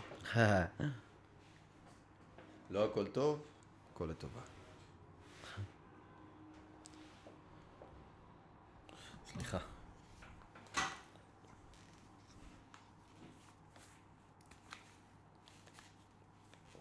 אני אתן מחיית כף כדי לתת את הזווית שם בסאונד. אה, מולטי דיסציפלינרי היית. חושב שהמולטי דיסציפלינריות היא חשובה. אני באמת חושב שהמולטי דיסציפלנריות היא משהו, זו מילה שנחזור אליה כמה פעמים אה, קצת מבדר, אבל היא מאוד מאוד חשובה בדור הנוכחי. תראה, אם ההורים שלנו, או הסבים שלנו, היו מחליפים עבודה אחת או שניים, במהלך חייהם, כן. במהלך חייהם, היום הדור החדש, פחות או יותר אדם במחקרים, שזה שש קריירות. שש, יש כאלה ש... שש קריירות, לא מקומות עבודה. קריירות. שזה ורטיקלים שונים בתכלית. אמ, וזה כן אומר המון על מה מצופה מבן אדם להיות ברמת היכולות שלו היום. זאת אומרת שלדעתי שאדם יותר מגוון, גם אם אין לו ROI ברור, מול העיניים, שבן אדם מוסיף גיוון ואופי נוסף אה, אה, אה, לידע ה... האולי הכי משמעותי אצלו, זאת אומרת שהוא מוסיף לחץ הגדול שלו עוד כל מיני חצים קטנים, הוא הופך להיות משהו הרבה יותר שלם, ושיודע לתת זוויות מאוד מאוד שונות, כי העולם שלנו היום הוא גם הרבה יותר גלובלי והרבה יותר מחובר. הרשת התחברה כבר לעולם הלואו-טק. IoT, בהיבט הזה שרמזורים כבר מדברים עם ספינות, והכל הפך להיות יותר בסימביוזה ויותר יותר בקשר מאוד מאוד עמוק, ויש דיפוזיה מאוד גדולה בין דברים, ולכן אדם היום לא יכול להבין רק בסמי קונדקטורים, זה, זה לא ילך. בשביל לפתח את, המודל, את הדור הבא של הסמי קונדקטורים, אתה צריך להבין, להבין גם במחשבי קוונטומים, ואתה צריך להבין גם בפנים לשיער ובברנדים של פנים לשיער. אז אני בדיוק מתחבר למקום הזה ל-2080. אני חושב שפוקוס הוא אחד מהדברים הכי חשובים. נכון. אה, ויש לי הרבה שיחות על זה עם חבר'ה צעירים ש- שאני פוגש בכל מיני מקומות, של תשמרו על ה-2080, תיזהרו מלגדל דשא, כי הרבה מאיתנו מתחילים משהו, לא מספיק נהיים טובים בו, קצת פתאום, קצת קשה, או קצת לא במאה, או אני לא בטוח כמה אני אוהב את זה, קופצים לדבר הבא. ואז מה שקורה, במקום לגדל עצים, מגדלים מלא מלא מלא דשא, ואז אין עץ להישען עלו. נכון, אבל זה בסדר לדעתי לגדל קצת דשא בהתחלה. בהתחלה זה קריטי אפילו. חייב. אתה קצת מנסה, קצת טועם, קצת בודק, מבין, אבל גם, צריך לעשות לתחום את זה בזמן. stop loss, כן. כמו, כמו במניות, כן. בסדר? אני נכנס כשאני כן, רציונלי וב-100 דולר למניה, אני אומר אם זה יורד ל-85, עד זה אני יודע לספוג שימכור. למה? כי כשזה יגיע ל-85, אני כבר לא אהיה בקבלת החלטות רציונלית, ואני, אני יש לי כבר את כל האפקט של... למערבולת ולוודא שאין לך- gap. בדיוק, אתה. כבר נכנס למקום של, של אפקט ההפסד. פסיכולוגי וכולי, אז פה בדיוק המקום הזה של, רגע, לשים לזה איזשהו stop loss, כן לנסות קצת, אבל אחרי זה, אגב, גם העולם הזה, אני עוצר אותך שנייה ואני אומר שהוא חייב להבין שיש בו כמה רבדים. הוא לא שחור לבן והוא לא פשוט, זה לא אומר... הללמוד, כן. הללמוד הזה, יש לו גם משאבים שהוא דורש. זאת נכון. אומרת שכאן יכול להיות מה שאני קורא לו, כמו שאנחנו לוקחים את זה לאנלוגיה בבורסה, gap. פתאום קפצת מה-100 ל-75 כשהתעוררת ביום המסחר הבא, עברת את ה-85 שלך, ה stop loss שלך נעלם. וזה אומר, חבר'ה, תדעו גם כמה אתם משקיעים בכל עניין. זאת אומרת שאם עכשיו אני רואה ורטיקל שמאוד מאוד מעניין אותי, אני רוצה ללמוד אותו, אל תזרוק עכשיו את כל החסכונות שלך אליו חד משמעית. ותפער בור באותו דשא. מטאפורי כמובן. לגמרי. אמ, אז, אז הרובד הזה צריך גם להבין אותו, שלימוד ברמה הראשונית צריך להיות מאוד צב ולהוציא את המקסימום מסיטואציות שלא עולות לכם זה, הרבה זה משאבים. כאילו הרבה פעמים אנחנו מחפשים את התשובות החד-חד ערכיות בחיים של זה מה שצריך לעשות, אבל אין פה, זה כאילו נכון. בדיוק כל המקום, זה בסוף, פוקוס זה אולי הדבר הכי חשוב בעולם, אבל מצד שני גם גיוון וניסוי וטעייה הוא דבר מאוד מאוד חשוב. נכון. ואז אתה צריך למצוא כל הזמן את האיזונים האלה, ו, ובאמת אין פה איזושהי תשובה אחת של, שוב, זה גם הכל אה, לעניות אה, דעתנו, כן? כן. זה בסוף... אה, ברור, אז. אבל המקום הזה בסוף של... אני חושב שאחד מהדברים הכי חשובים, וזה קשור לאסנס הזה, אני חושב שאם עכשיו אני לוקח אחורה את, אותך בתוך, בצבא, אתה בן 24, 23, אתה כרגע נמצא, יש לך זהות, כי יש לך עץ להישען עליו. אתה כלפי חוץ, כשאתה מציג את עצמך בחוץ, כשאתה מדבר עם אנשים, כשאתה יוצא לדייטים, יש לך הוויה שנשענת על איזשהו עץ מסוים שגידלת. נכון. ובאותה תקופה קראו לו מפקד, מ"פ, איש נכון. שעושה דברים נורא ספציפיים, יש לך הישענות על זאת. והרבה מאיתנו לא כל הזמן נמצאים בגידול דשא הזה, ולא מצליחים לייצר את העץ האחד הזה, שבונה את הזהות שלנו, את ה self, self image שלנו, ואת ה self efficiency שלנו, את היכולת, את, את הדימוי העצמי בכלל שלנו.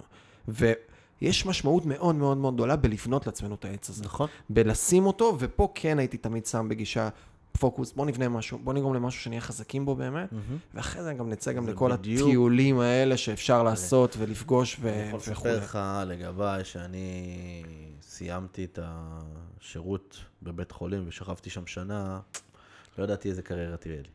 אגב, לא הייתה אופציה לחזור? הייתה אופציה לחזור.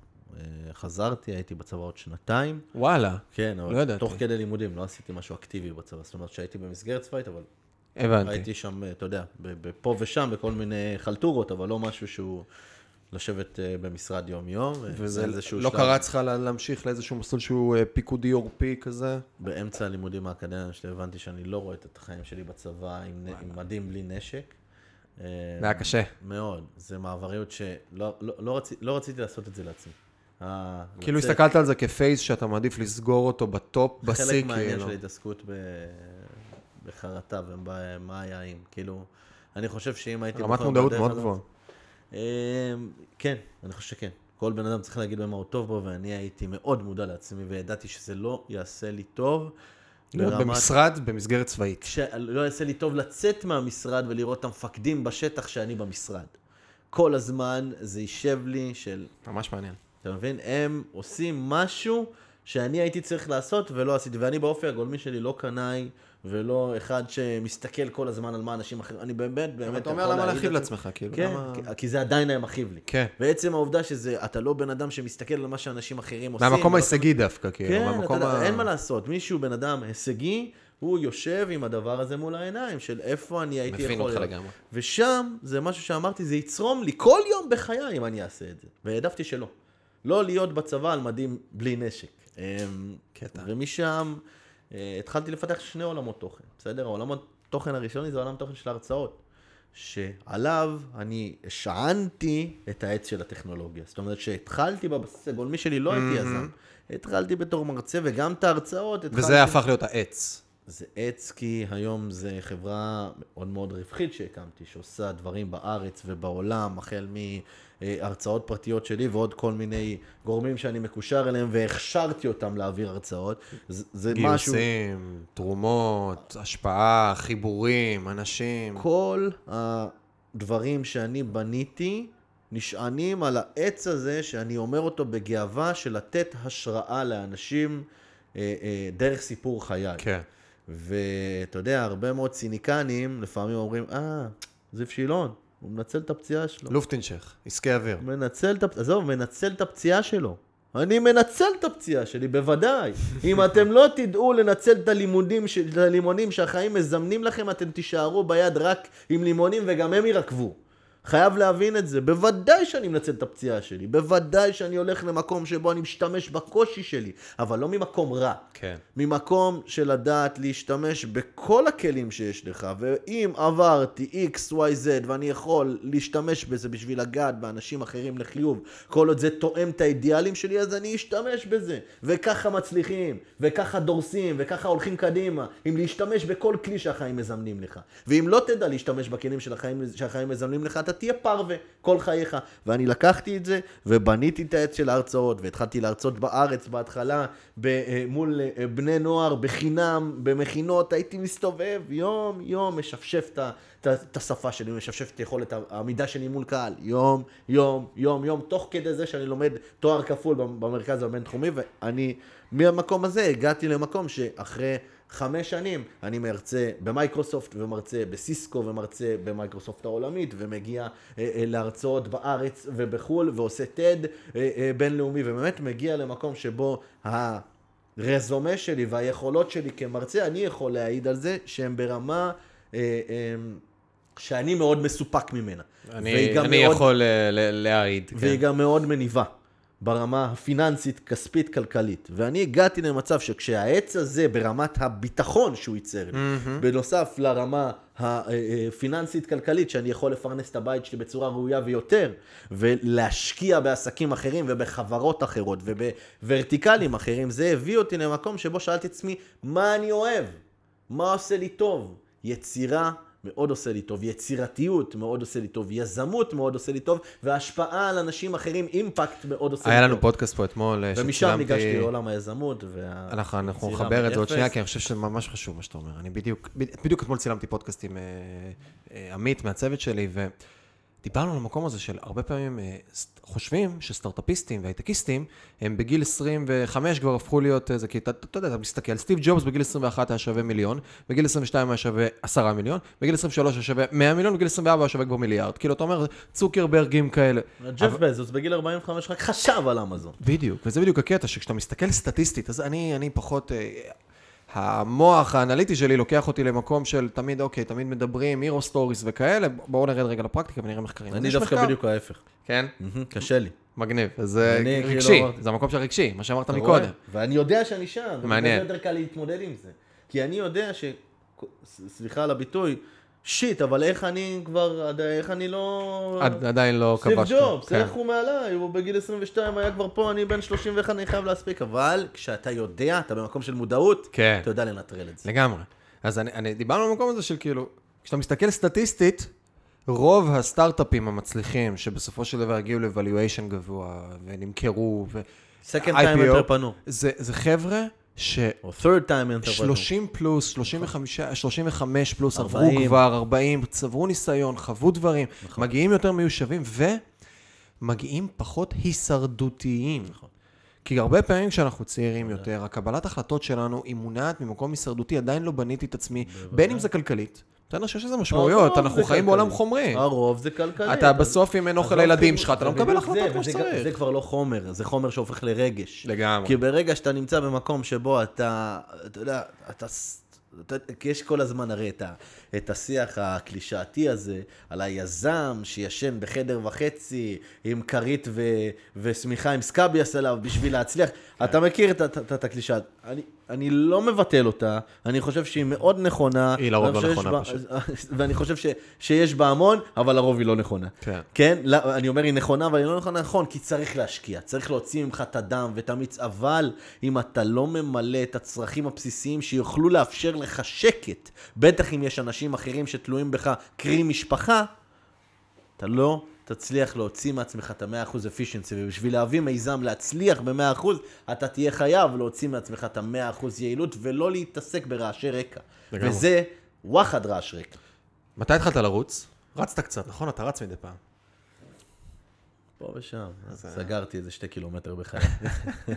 עשית מרתון, אחר כך עשית גם איירון מן. מה... עשיתי חמישה מרתונים, איש ברזל. יש פה, יש פה שיח, כאילו, איש ברזל, מי שלא מכיר, ככה בקטנה אה, שחייה של אה, 3.8, אחר כך אה, נרכב על אופניים ככה בפנן 180 קילומטר, וקינוח ככה מרתון לסיום, 42, 192 כזה, ככה, 41, 100 42, 192 ככה לסיום של קילומטרים, לרוץ אותם. אה, מה, מה גורם אה, לבן אדם לקום בבוקר ולקבל החלטות כאלה? בטח, ובטח, ובטח, כשהוא לא נמצא במצב הפיזי האידיאלי שהוא היה בו בחייו, ושיש לו את האתגרים שלו. אמ, וואו, בראש ובראשונה זה מורכב מהשאלה שהתחלנו איתה את הדיון האחרון, מי אני וממה אני ניזון.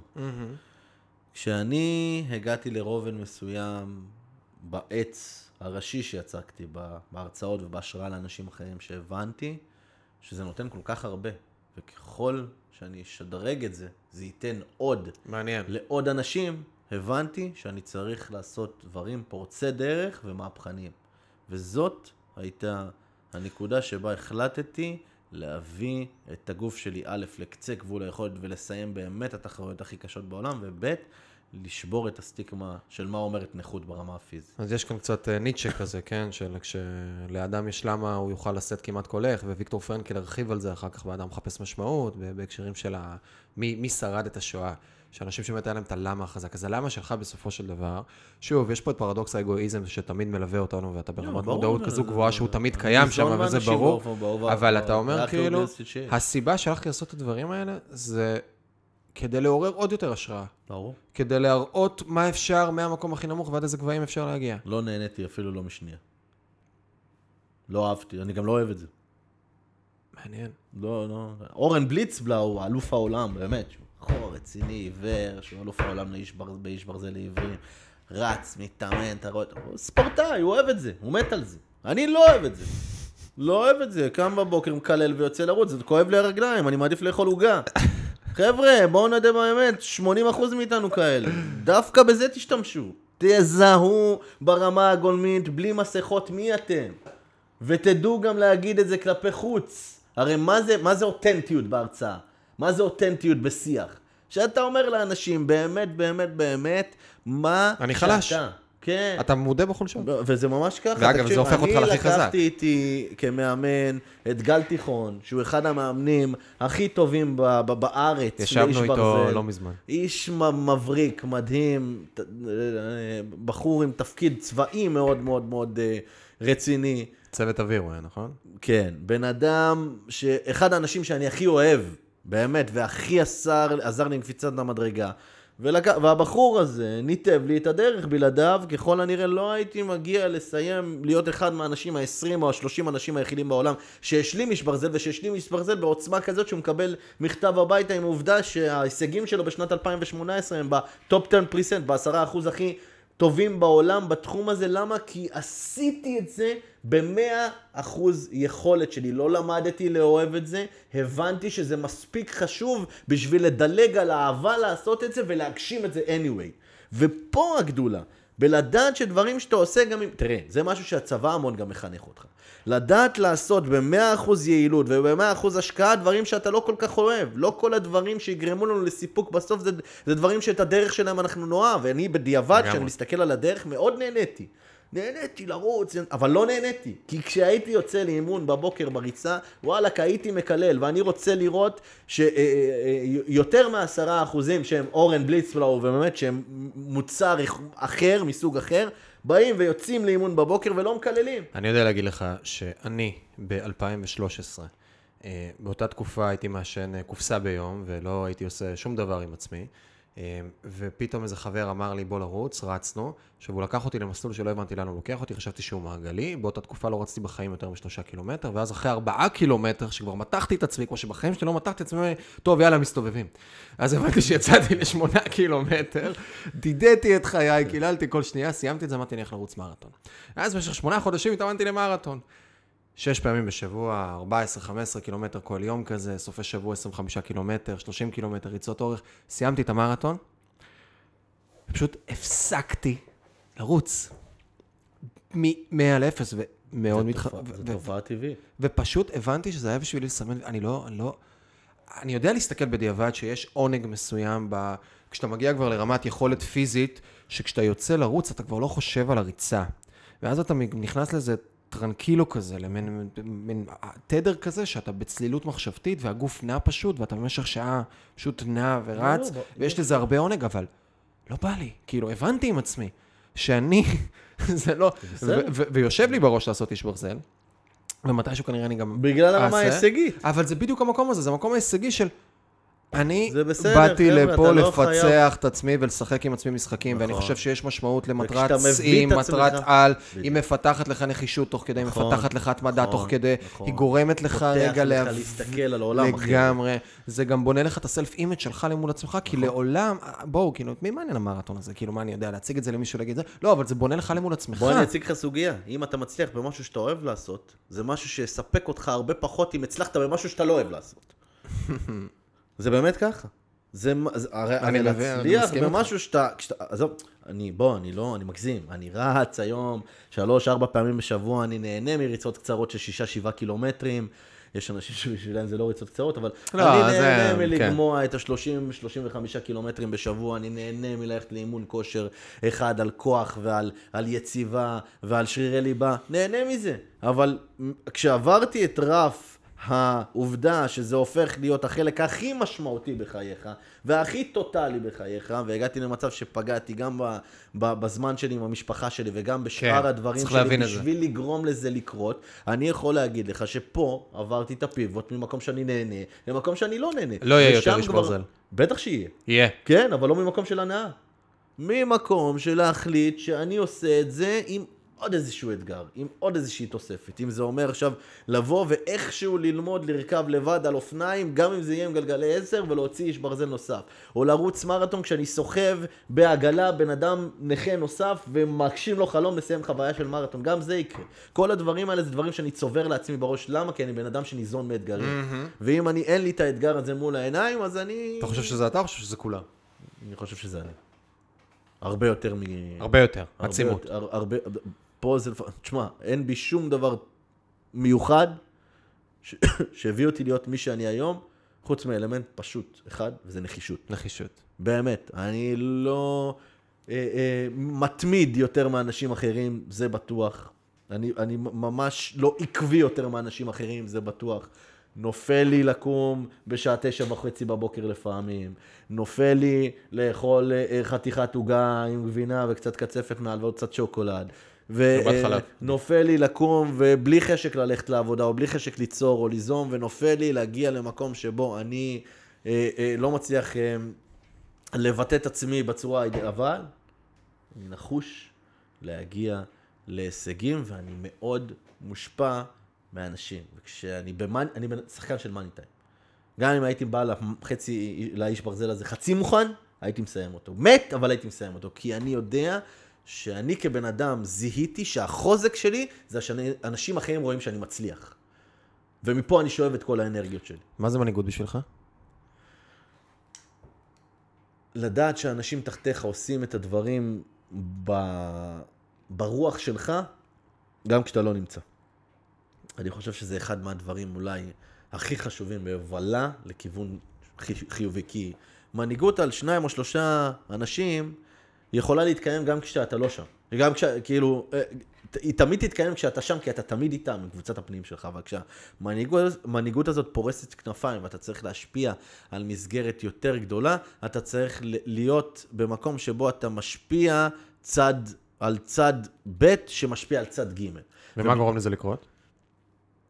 היכולת לרתום אליך את, המס... את הבט שלך ואת הגימל שלך, את האנשים שתחתיך בצורה כל כך עמוקה, שהמילים שלך יוצאות דרך הפה שלהם. וזה אפשרי. ערכים, דוגמה אישית, חיבור כל לחזון. אחד במה שהוא טוב בו. אוקיי, מעניין. כי אני, זיו, יניע את זה ככל הנראה מעולם של רגש ותשוקה ורצון וחיבור לחזון. יבוא אותו מטכליסט שהיה איתי בבה"ד 1, וידע לעבור את זה בדרך של פרקטיקה ותוכניות עסקיות ו... אה, ו profit ועבידה של החברה ואיך אנחנו מגיעים למספרים יותר נמוכים. כל אחד ומה שהוא טוב בו, ותקיפו את עצמכם עם הצד השני שלכם. ככה יוצרים system של מנהיגות. מאוד מאוד מעניין מה שאתה אומר. היה לך רגע שחשבת לוותר? לא מעט, אני עד היום מוותר בחלק מהדברים. אני מדבר אבל דווקא על המקומות החשוכים. כן. על החשוכים. בוודאי, מה זאת אומרת? אני לא אשכח שיש לי עכשיו חבר שמתמודד עם אה, לא מעט קשיים בעצמו, בדיוק אתמול הייתה לנו שיחה על זה, אז איך... אה, לא אשכח את היום הזה שהוא לקח אותי לראות איזה תצוגה של אה, ואן גוך בתל אביב. היה איזה קומפוזיציה כזאת עם כל מיני תאורה, וקצת לקחת את זה למקומות יותר מודרניים, ואני זוכר את התחושות שהיה לי שם, הייתי בשלהי השיקום, חמישה חודשים אחרי הפציעה, בלי אופק, בלי יכולת לעשות שום דבר. עוד לא קיבלתי את הפרוטזה, הייתי מוגבל לחלוטין, הייתי צריך שיעשו בשבילי הכל. שם אה, אתה אומר לעצמך, זהו, זה המצב. זה ככה יישאר, אני לא באמת, אין לי מעוף. מת. מת מבפנים וחצי מת מבחוץ. וזה לא קורה פעם אחת, אבל כשהצלחתי לעבור את המהמורה הראשונה הזאת, בכל מהמורה שזה הגיע, הגעתי אליה יותר מוכן. כשהגיע כבר האתגר עם, עם שירה, אחרי חודש שלקח לי לעכל את זה שלבת שלי גם יש מוגבלות לא פשוטה ואני צריך להתמודד עם זה, לקחתי את זה רק למקום של להיות באמת אריה פה. ולדעת שזה משהו שקרה, ואנחנו יודעים היום שיש לזה סיבה, שהרבה יותר קל לחיות את החיים בהנחה שאני מאמין שיש לזה סיבה, והרבה יותר קל לי לחיות את החיים בהנחה, ואני עושה את כל מה שאני עושה בשביל להיות מודל עבורה בהצלחה, בכל ורטיקל שאפשר, שהיא תבחר מתוך הוורטיקלים שאני הצלחתי בהם, כושר גופני, אנשים, חברתי, ציבורי, כלכלי, אישי, זוגי, משפחתי, תיקח מה שהיא רוצה ותצליח בו, כי אני אפרוס לה את כל מניפס ההצלחות שלי, לאורך כל חייה, רק בשביל שיהיה לה מה לבחור, כדוגמה. וזה דווקא ממקום של קושי או של נפילה, שהתחלתי את החודש הראשון אחרי שהיא נולדה בתחושות מזעזעות, בניתי לעצמי עוד מנוע צמיחה. קודם כל, תודה על השיתוף, אה, ואני מניח שאתה יודע, זה כאילו כל הזמן החיים מזמנים לך עוד איזה, נכון? עוד איזה הפתעה, עוד איזה אתגר, ויש פה... ש... אני זוכר, אני... אה, אבי, זיכרונו לברכה, נפטר אחרי שלוש שנים של מלחמה בסרטן ולימפומה, ובערך אה, שלושה חודשים ככה אחרי זה הגיעו בדיקות של אמא שלי, שגם אמא שלי חלתה בסרטן, ואז יצאנו לטיול שני, ואתה כאילו אומר לעצמך, כאילו, שבתקופה הייתי, לא יודע, הייתי בן 19 מתי שאבא שלי חלה, ואחר כך כשהוא נפטר הייתי בן 22, אז אחר כך כאילו, אתה אומר לעצמך, מה, מה, תעזבו אותי רגע, תשחררו, הלו"ז? תשחררו- מה- הלו"ז? תשחררו אותי אה, רגע, תנו לי... בוא נתחבר לדברים שאתה אומר. היום אחד, אחרי ששירה נולדה, ואימא שלי נפטרה לפני, והיה לנו הרבה, הרבה קשיים בשנים האלה, אז מישהו הגיע אליי ואמר לי, אחי, שיהיה בשורות טובות. אמרתי לו, אחי, בוא נסכם על זה שלא יהיו בשורות. רגע, תנו לי לנוח שנייה, בוא, בוא, בוא, לא, לא צריך, לא טובות, לא, בוא נסכם על זה ש, שלא יהיו בשורות. וזה, אני מבין לגמרי מה אתה אומר. שאגב, אני... זה היה כאילו, אתה יודע, אתה מקבל איזה... אתה מקבל פצצה, אז אתה מקבל עוד איזה חמש אה, קילו ככה פטיש על הראש, אתה צריך להתמודד עם זה, ולך לא צריך לספר, עברת את זה עם אמא שלך, וזה כאילו... אני בן יחיד לאימא, שני אחים גדולים, שזה, אז אני הייתי כל הזמן מטייל בכל בית חולים, ככה לכימותרפיה, להשתלות מח עצם, לכל הטיולים היפים האלה, אתה כל היום שם. אני, אגב, זה לקח אותי למקום של אובר-אצ'יבריות בצד השני. אני. כאילו, אני... הרי יש לך אופציה, אני לא יודע אם זה, ופה תמיד אני מדבר, אני, יש לי את- הסוגיה הזאת שלי למול עצמי בשאלה למול בחירה, כמה זה באמת בחירה, כמה זה טבוע בנו בזה.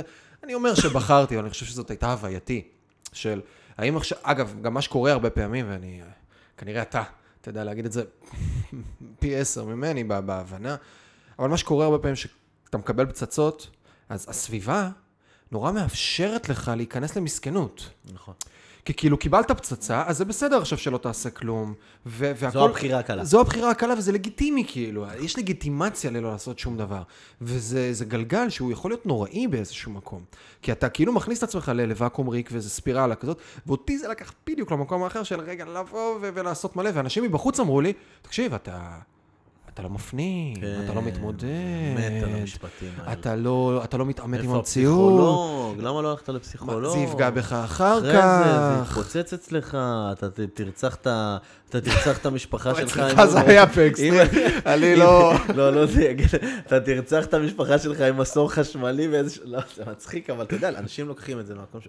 חבר'ה, לא אצל כולם זה חייב להתפוצץ ברמה הרגשית. אם אני מרגיש, אני באמת היום מרגיש שהנפש שלי זה הדבר הכי שלם שיש לי בחיים. ויציב. ויציב, ומונח במקום טוב, ויכול מאוד להיות שזה ישתנה, אני לא חתום על השכל. אבל אני יודע שבתקופה ההיא העשייה, השיח, בדיוק כמו שאתה אומר, ההתפוצצות הזאת בכל כך הרבה מובנים, זה היה בשבילי המשמעות, הפוקוס. הנצחה. זה היה הנצחה מבחינתי, זה היה להוכיח לאותו אדם, גם אם הוא לא פה ברמה המוחשית, ברמה הרוחנית, שהנה אני מגיע לאן שציפית, או לאן שציפית שאני אגיע ויותר. והיום מבחינתי זו הצוואה של אימא שלי, להפוך את עצמי להכי גדול שהייתי יכול להיות בשבילה. וזה בדיוק אני מחבר למה שאמרת מקודם. בהקשר הלוגי, מה שעשית לעצמך, וזה זה מרתק בעיניי. הרי בסוף יש, אה, כל פעם שאנחנו רוצים לייצר לעצמנו איזושהי הצלחה בחיים, אז זה בדרך כלל מונע משני מקומות. או מאינטגריטי פנימי של עצמנו, היכולת שלי להגיד משהו ואשכרה לעשות אותו, בסדר? היושרה שלי למול עצמי, המילה שלי. או מצד שני, אילוץ חיצוני, בסדר? כי אם עכשיו... אה, קבעו לי הרצאה בשמונה בערב, הולכים להגיע 40 איש לתוך החדר, אז יש 40 איש לתוך... אני אגיע, אני אעשה את זה, גם אם אני מפחד. נכון. כי יש אילוץ חיצוני, זה יקרה. וזה תמיד התווך הזה של... אקטיביות ופסיביות. בדיוק, כמה אני...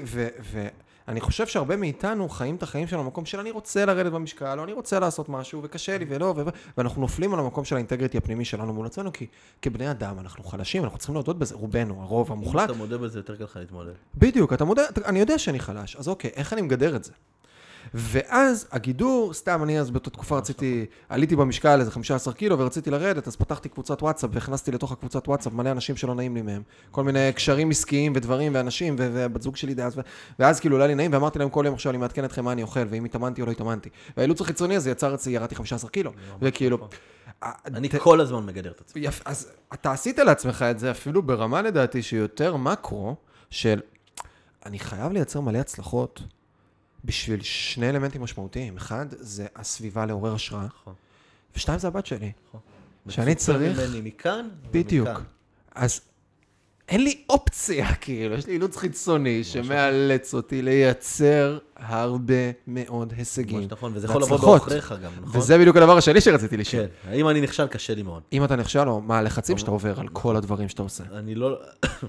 אז היו לי תקופות שזה הביא אותי ללחץ מטורף, אבל יש הרצאה מאוד מעוניינת של סיימון סינק, שמדברת בדיוק על זה שהדור שלנו, גם הדור שלנו וגם בטח generation Y ו-Z, לא יודע להכיל תהליכים. ואני, ברוך השם, יודע שהתברכתי בתהליך מאוד מאוד ארוך של כישלונות וחוסר ופערים וכאבים. סבלנות, patience. כן. ו patience זה משהו שמאוד מאוד חשוב בעולם העסקי. מאוד חשוב. והאישי, אגב, שהעולם... זה מיקרוקוסמוס. נכון, זה מיקרוקוסמוס לחלוטין. ואני, בדחיפה הראשונה שלי קדימה, בגל הראשון שיצאתי מהעץ המרכזי שלי לעולם תוכן העסקי, הייתי בטוח שהכל אני אצליח. אז הזדמנות ראשונה לא הצליחה, שנייה הצליחה, התקדמה יפה מאוד, אבל הצליחה במאורע מאורע מאוד מסוגר, מס, מסוגרת, שלישית הצליחה, רביעית הצליחה, חמישית לא הצליחה. כל הזמן משחקים כאלה. עכשיו, עד החמישית, היה לי מאוד מאוד קשה להתמודד עם כישלון עד רמה כזאת שהייתי מנסה לעשות פיבוטים ו maneuvering שהיו כבר פוגעים בי, כי אתה צריך לדעת להגיד מתי stop stop. זה ממש ממש נכון, חבר'ה, הנחישות וההגשמה זה בסדר כל עוד אתה מזהה שהפוטנציאל עדיין שם.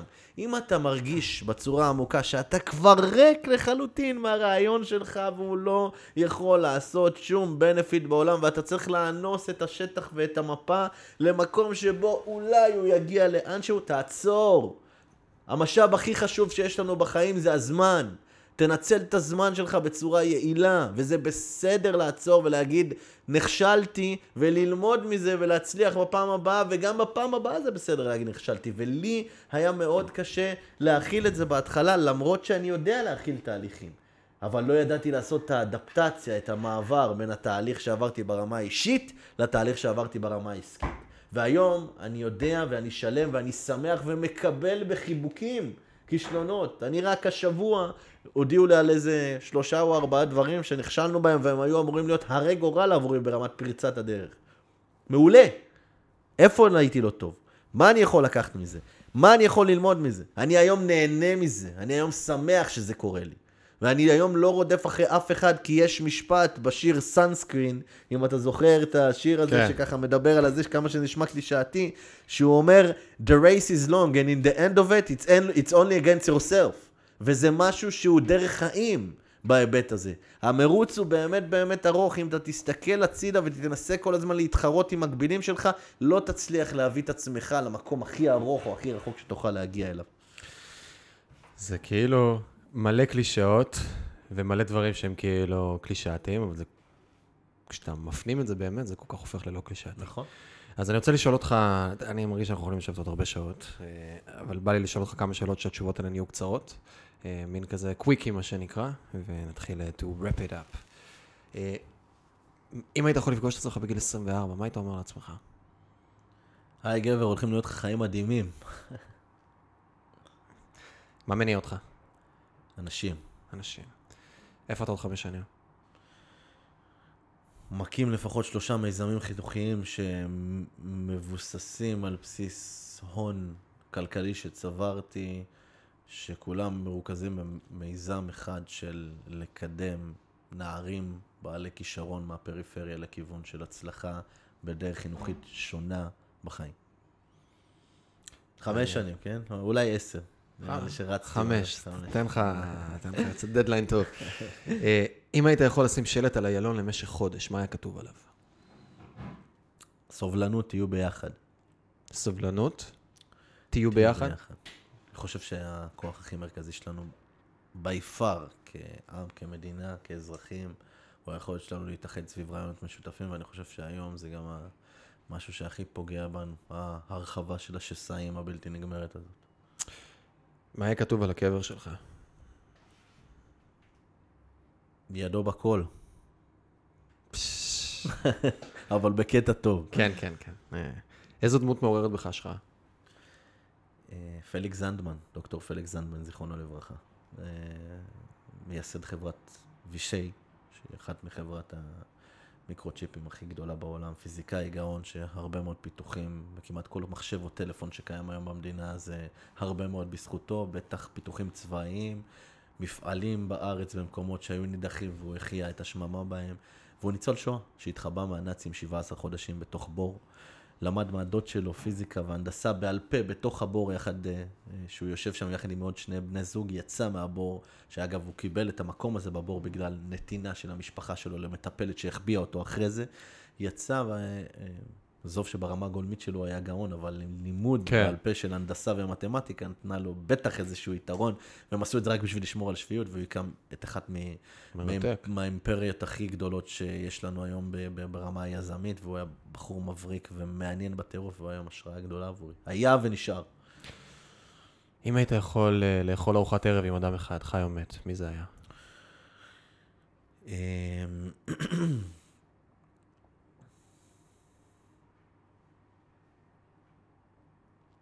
עוד אחת אחרונה עם אמא שלי. קוסקוס. וואי, כזה שהיא מכינה אבל. כן. אה, אם היה לך 50 מיליון דולר כרגע, מה היית עושה? יש לי. סתם, סתם, סתם. אני... אחי, לא אם- אם הייתי יודע, היינו מדברים על דברים אחרים, ואתה פותח לי פה דלתות. אני צוחק. משקיע אותו, משקיע אותם בעוד מיזמים שהאיזון ביניהם הוא 70 אחוז, חברתי, 70 עסקי. אחוז, 70 אחוז עסקי, 30 אחוז פילנטרופי, בדגש על חברתי, שאני ה-GP שלו, לא ה-LP שלו, זאת אומרת, מעורב בקרביים של המיזם הזה. אמ, כי ה-70 אחוז ייתן לי מנוף לפתח כן, עוד כן, כאלה, כן, כן, וה-30 אחוז ייתן לי לפתח כבר את העץ הקטן הזה, את החוטר הזה שיוצא, שהוא חוטר חיובי. איזה ספר היית ממליץ לאנשים לקרוא? אמ, חבר מאוד מאוד טוב שלי, אה, שהוא אחד האנשים שאני הכי מעריץ, שמו אור קומיסר, אה, נתן לי ספר באחד מימי ההולדת שלי, שנקרא כמעיין המתגבר. איין רנד. נכון. כן. הפך לי את התפיסה בהרבה מאוד מובנים. וואלה, אובייקטיביזם. לגמרי.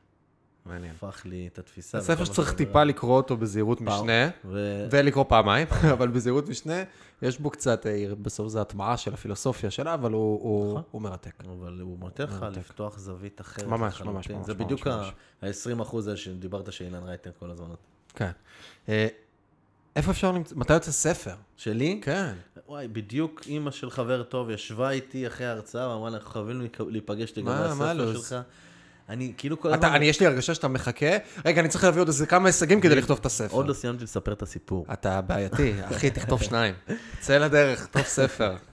יש כל כך הרבה... אני חושב שזו נתינה מדהימה. יש משהו במילה הכתובה שמאפשר לאנשים... אה, ממש. אולי זה מגיע מהמקום הפשוט הזה שאני פשוט לא יכול יותר לקרוא ספרים בדפדוף, דפדוף. צורם לי קצת.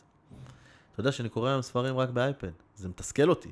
וואלה. אחי, אני לא יכול לדפדף, לוקח לי שעה לדפדף. תחשוב שלוקח לי לדפדף, כאילו, למדתי לדפדף, אבל סלח, סלח לי על הביטוי, כן, זה באסה. כאילו, אתה יודע, נלקחה ממני ה... ה... נלקח ממני העושר הגולמי בלקרוא ספרים ובלאכול המבורגרים ופיתות עם פלאפל. וואלה, זה, אתה יודע. אגב, גם במבה. אני אוכל פחות חטיפים משמעותית בגלל שאני לא יכול לתפוס במבה.